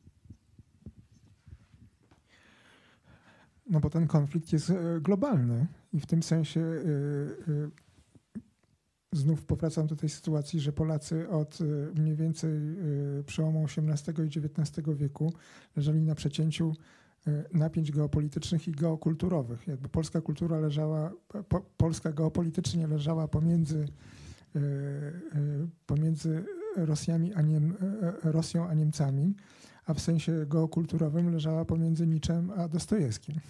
Jakby, I to były te wszystkie napięcia, tutaj się to wszystko rozstrzygało, tutaj był Holokaust, tutaj było Powstanie Warszawskie, to były rozbiory, to były te wszystkie, wszystko to, co ożywiało muzykę Chopina i nie wiem, to, no wszystko, jakby tu, tu się rozstrzygał los ludzkości w sensie dosłownym właśnie, że najpotworniejsza wojna świata wybuchła tu właśnie. I, i to, znaczy, e, to jakby Snyder pisał o skrwawionych ziemiach, ale to krwawe ziemie i ośrodkiem tego była Polska. Ona była kluczem zrozumienia jej historii. A teraz, jak mówiłem o tym jednym ząbku wielkiego zegara dziejów, ten, on się przesunął i jakby ośrodkiem tej walki stała się Ukraina.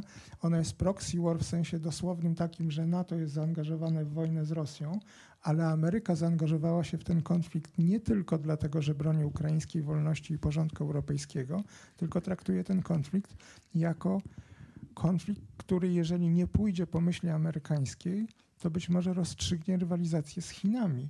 Takie było założenie Putina w ogóle, że Ameryka jest słaba po Afganistanie, po blamarzu e, Bidena, Blinkena i całej tej administracji Amerykanie się wycofają z Europy, tak jak wycofali się z Afganistanu, bo Europa będzie dla nich tak, może będzie ważniejsza od centralnej Azji, ale nie mają już sił i środków oraz woli, żeby ich bronić. I to jest jego podstawowa klęska intelektualna, Putina, że nie rozpoznał tej sytuacji, że Amerykanie przystąpią do, do rywalizacji, bo wiedzą, że stawka jest dużo większa. Nie, chodzi najpierw o Ukrainę, potem chodzi o Europę, potem chodzi o Chiny, a na końcu chodzi o globalny porządek. Bo jeżeli oni by oddali Europę, to Chińczycy by. Yy, Chińczycy też myśleli, że są dwa wyjścia, że jak przegrają Amerykanie od razu w 72 godziny, no to będzie widać, to się wtedy rozpadnie w ogóle wszystko, cała architektura be bezpieczeństwa. A jeżeli wciągną ich w wojnę, jednych i drugich, no to też będzie korzystne. Ale tu idzie jakoś nie po ich myśli. Dlatego, że i to Rosjanie znowu, imperialni intelektualiści mówią, przywołując Brzezińskiego, bo to jest ich argument, że Rosja dała się wciągnąć w pułapkę na Ukrainie, tak jak się dała kiedyś wciągnąć za administracji Cartera i Brzezińskiego w wojnę w Afganistanie. I że, mm, i, i że robi to rękami Europejczyków, bo to jest jeszcze zaskoczenie takie, bo liczono na to, że Europa jest za słaba, bezwolna i tak dalej, a Amerykanie wydali tę wojnę, co do której Rosjanie w ogóle nie byli przygotowani, że wybuchnie, czyli wojnę gospodarczą i finansową rękami Europejczyków. Bo to Europejczycy obkładają teraz Rosję sankcjami, mm, konfiskują te jachty, wyrzucają banki i tak dalej, przerywają współpracę i to jest najbardziej bolesne, e, bolesne dla Putina. Więc to jest pełna e, zgoda co do tego, że wszyscy zrozumieli, że Amerykanie znowu powrócili. Bo jeszcze jakiś czas temu nawet nam się wydawało, że Zachód rozpadł się na anglosasów i Europę i Anglosasi są gotowi do podjęcia rywalizacji e, z Chińczykami o kształt globalnego porządku, spisując Europę na straty, bo taki miał wymiar symboliczny powołanie AUKUSa na Pacyfiku i wywalenie Francuzów e, z australijskiego e, kontraktu na okręty podwodne, które mm, okazało się, że kupują w Stanach. I to było budowanie anglosaskiego y, systemu bezpieczeństwa do rywalizacji o porządek światowy z Chińczykami w sytuacji, kiedy Europejczycy są niechętni. Stało się coś, co wydawało się niemożliwe jeszcze pół roku temu. To znaczy Zachód na powrót się zjednoczył pod przywództwem anglosaskim, a Europa została użyta, mamy takie powiedzenie, czy chciała, czy nie, została użyta jako zasób kwestiach gospodarczych jest po jednej stronie. Co będzie za rok, za dwa, za pięć, nie wiadomo, ale taki wydarzenia był kompletnie inny niż nam się wydawało jeszcze kilka miesięcy temu, że będą. No i niż wydawało się Rosji. Tak, tak. I, tak i, i, I dlatego, jak powiedziałem, niektórzy Rosjanie mają poczucie, że Rosja została wciągnięta w pułapkę przez Amerykanów i że znowu unosi się nad tym duch Brzezińskiego. I zdradzona przez Niemcy. Tak. I, no, to, to, jest tak, że to sobie to często mówimy też, że y, no, trzeba sobie zdać sprawę z tego, że ta wojna jest oczywiście wojną o istnienie państwa i narodu ukraińskiego. To jest wojna egzystencjalna, prawda? Znaczy y, celem Putina jest unicestwienie tego narodu i tego państwa w takiej postaci, w jakiej istnieje. To jest zasadniczy cel, prawda? Ona jest wojną egzystencjalną w tym sensie, że ten, kto ją przegra, nie będzie mógł prowadzić życia wedle zasad, które uważa za własne. Ale też jest to, i to też trzeba sobie powiedzieć z całą mocą, i nie powinniśmy się dać zwieść zakresowi geograficznemu mm, działań wojennych, to jest wojna światowa, ponieważ przedmiotem tej wojny jest kształt światowego porządku. Porządku bezpieczeństwa, porządku gospodarczego, mm, porządku ideowego również.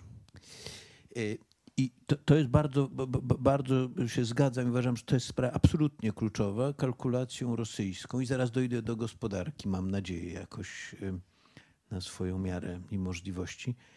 Y, kalkulacja rosyjska była taka, że znaczy opierała się na przekonaniu, że Amerykanie nigdy nie zaangażują się na dwóch frontach jednocześnie, czyli mając bardzo gorącą sytuację w, w Tajwanie, mówiąc w wielkim skrócie, prawda, i na Morzu Południowochińskim, no tam, prawda, i powołując AUKUS, nigdy nie zdecydują się na poważne zaangażowanie w Europie. I to poczucie zdrady mm, wzięło się z tego, że nie przyszło im do głowy, że Amerykanie będą mogli się zaangażować siłami europejskimi. Stąd były te przytyki Putina, który mówił o tym, że oni są y, faszystami, prawda? Ponieważ zmusili Europę do czegoś, czego by Europa nie chciała. I tu pojawia się gospodarka, która jest kluczowa. Znaczy, jeżeli stawką tej gry jest również deputinizacja Europy, to idzie tutaj po prostu o odbudowę integralności Zachodu. Można oczywiście na to patrzeć z perspektywy gospodarczej, e, bo właśnie ta perspektywa doprowadziła do de dezintegracji Zachodu. Prawda? To nic innego, tylko mm, uzależnienie energetyczne od Rosji doprowadziło do dezintegracji politycznej poniekąd również militarnej. Prawda? A z całą pewnością do tej głębokiej demobilizacji y, w sprawach bezpieczeństwa. Oczywiście y, z tej perspektywy można się zastanawiać, czy, y, czy czy biznes amerykański cieszyłby się dostarczając gazu skroplonego? Prawda? No oczywiście tak, prawda? Ale czy to będzie robił amerykański biznes, czy Katar, prawda, czy Arabia Saudyjska, tego dzisiaj, tego dzisiaj nie wiadomo i to nie jest przesądzone. Natomiast nie ma wątpliwości, że jeśli ta oglądana dzisiaj i, i, witana przez wszystkich z ogromną radością reintegracja Zachodu ma się utrzymać, to ona musi być również reintegracją gospodarczą w pełnym tego słowa znaczeniu. Czyli oczywiście to nie musi oznaczać całkowitego wykluczenia Rosji z, z miksu energetycznego, prawda? Ale z całą pewnością musi być gwarancja możliwości natychmiastowego, natychmiastowego pozbycia się tego elementu i zastąpienia go czym innym. Także w tym sensie pytanie o to, co jest pierwsze, polityka czy gospodarka, no jest takim klasycznym pytaniem bez odpowiedzi. I jeszcze jedna rzecz, która łączy się z gospodarką i z Twoją Remku uwagą.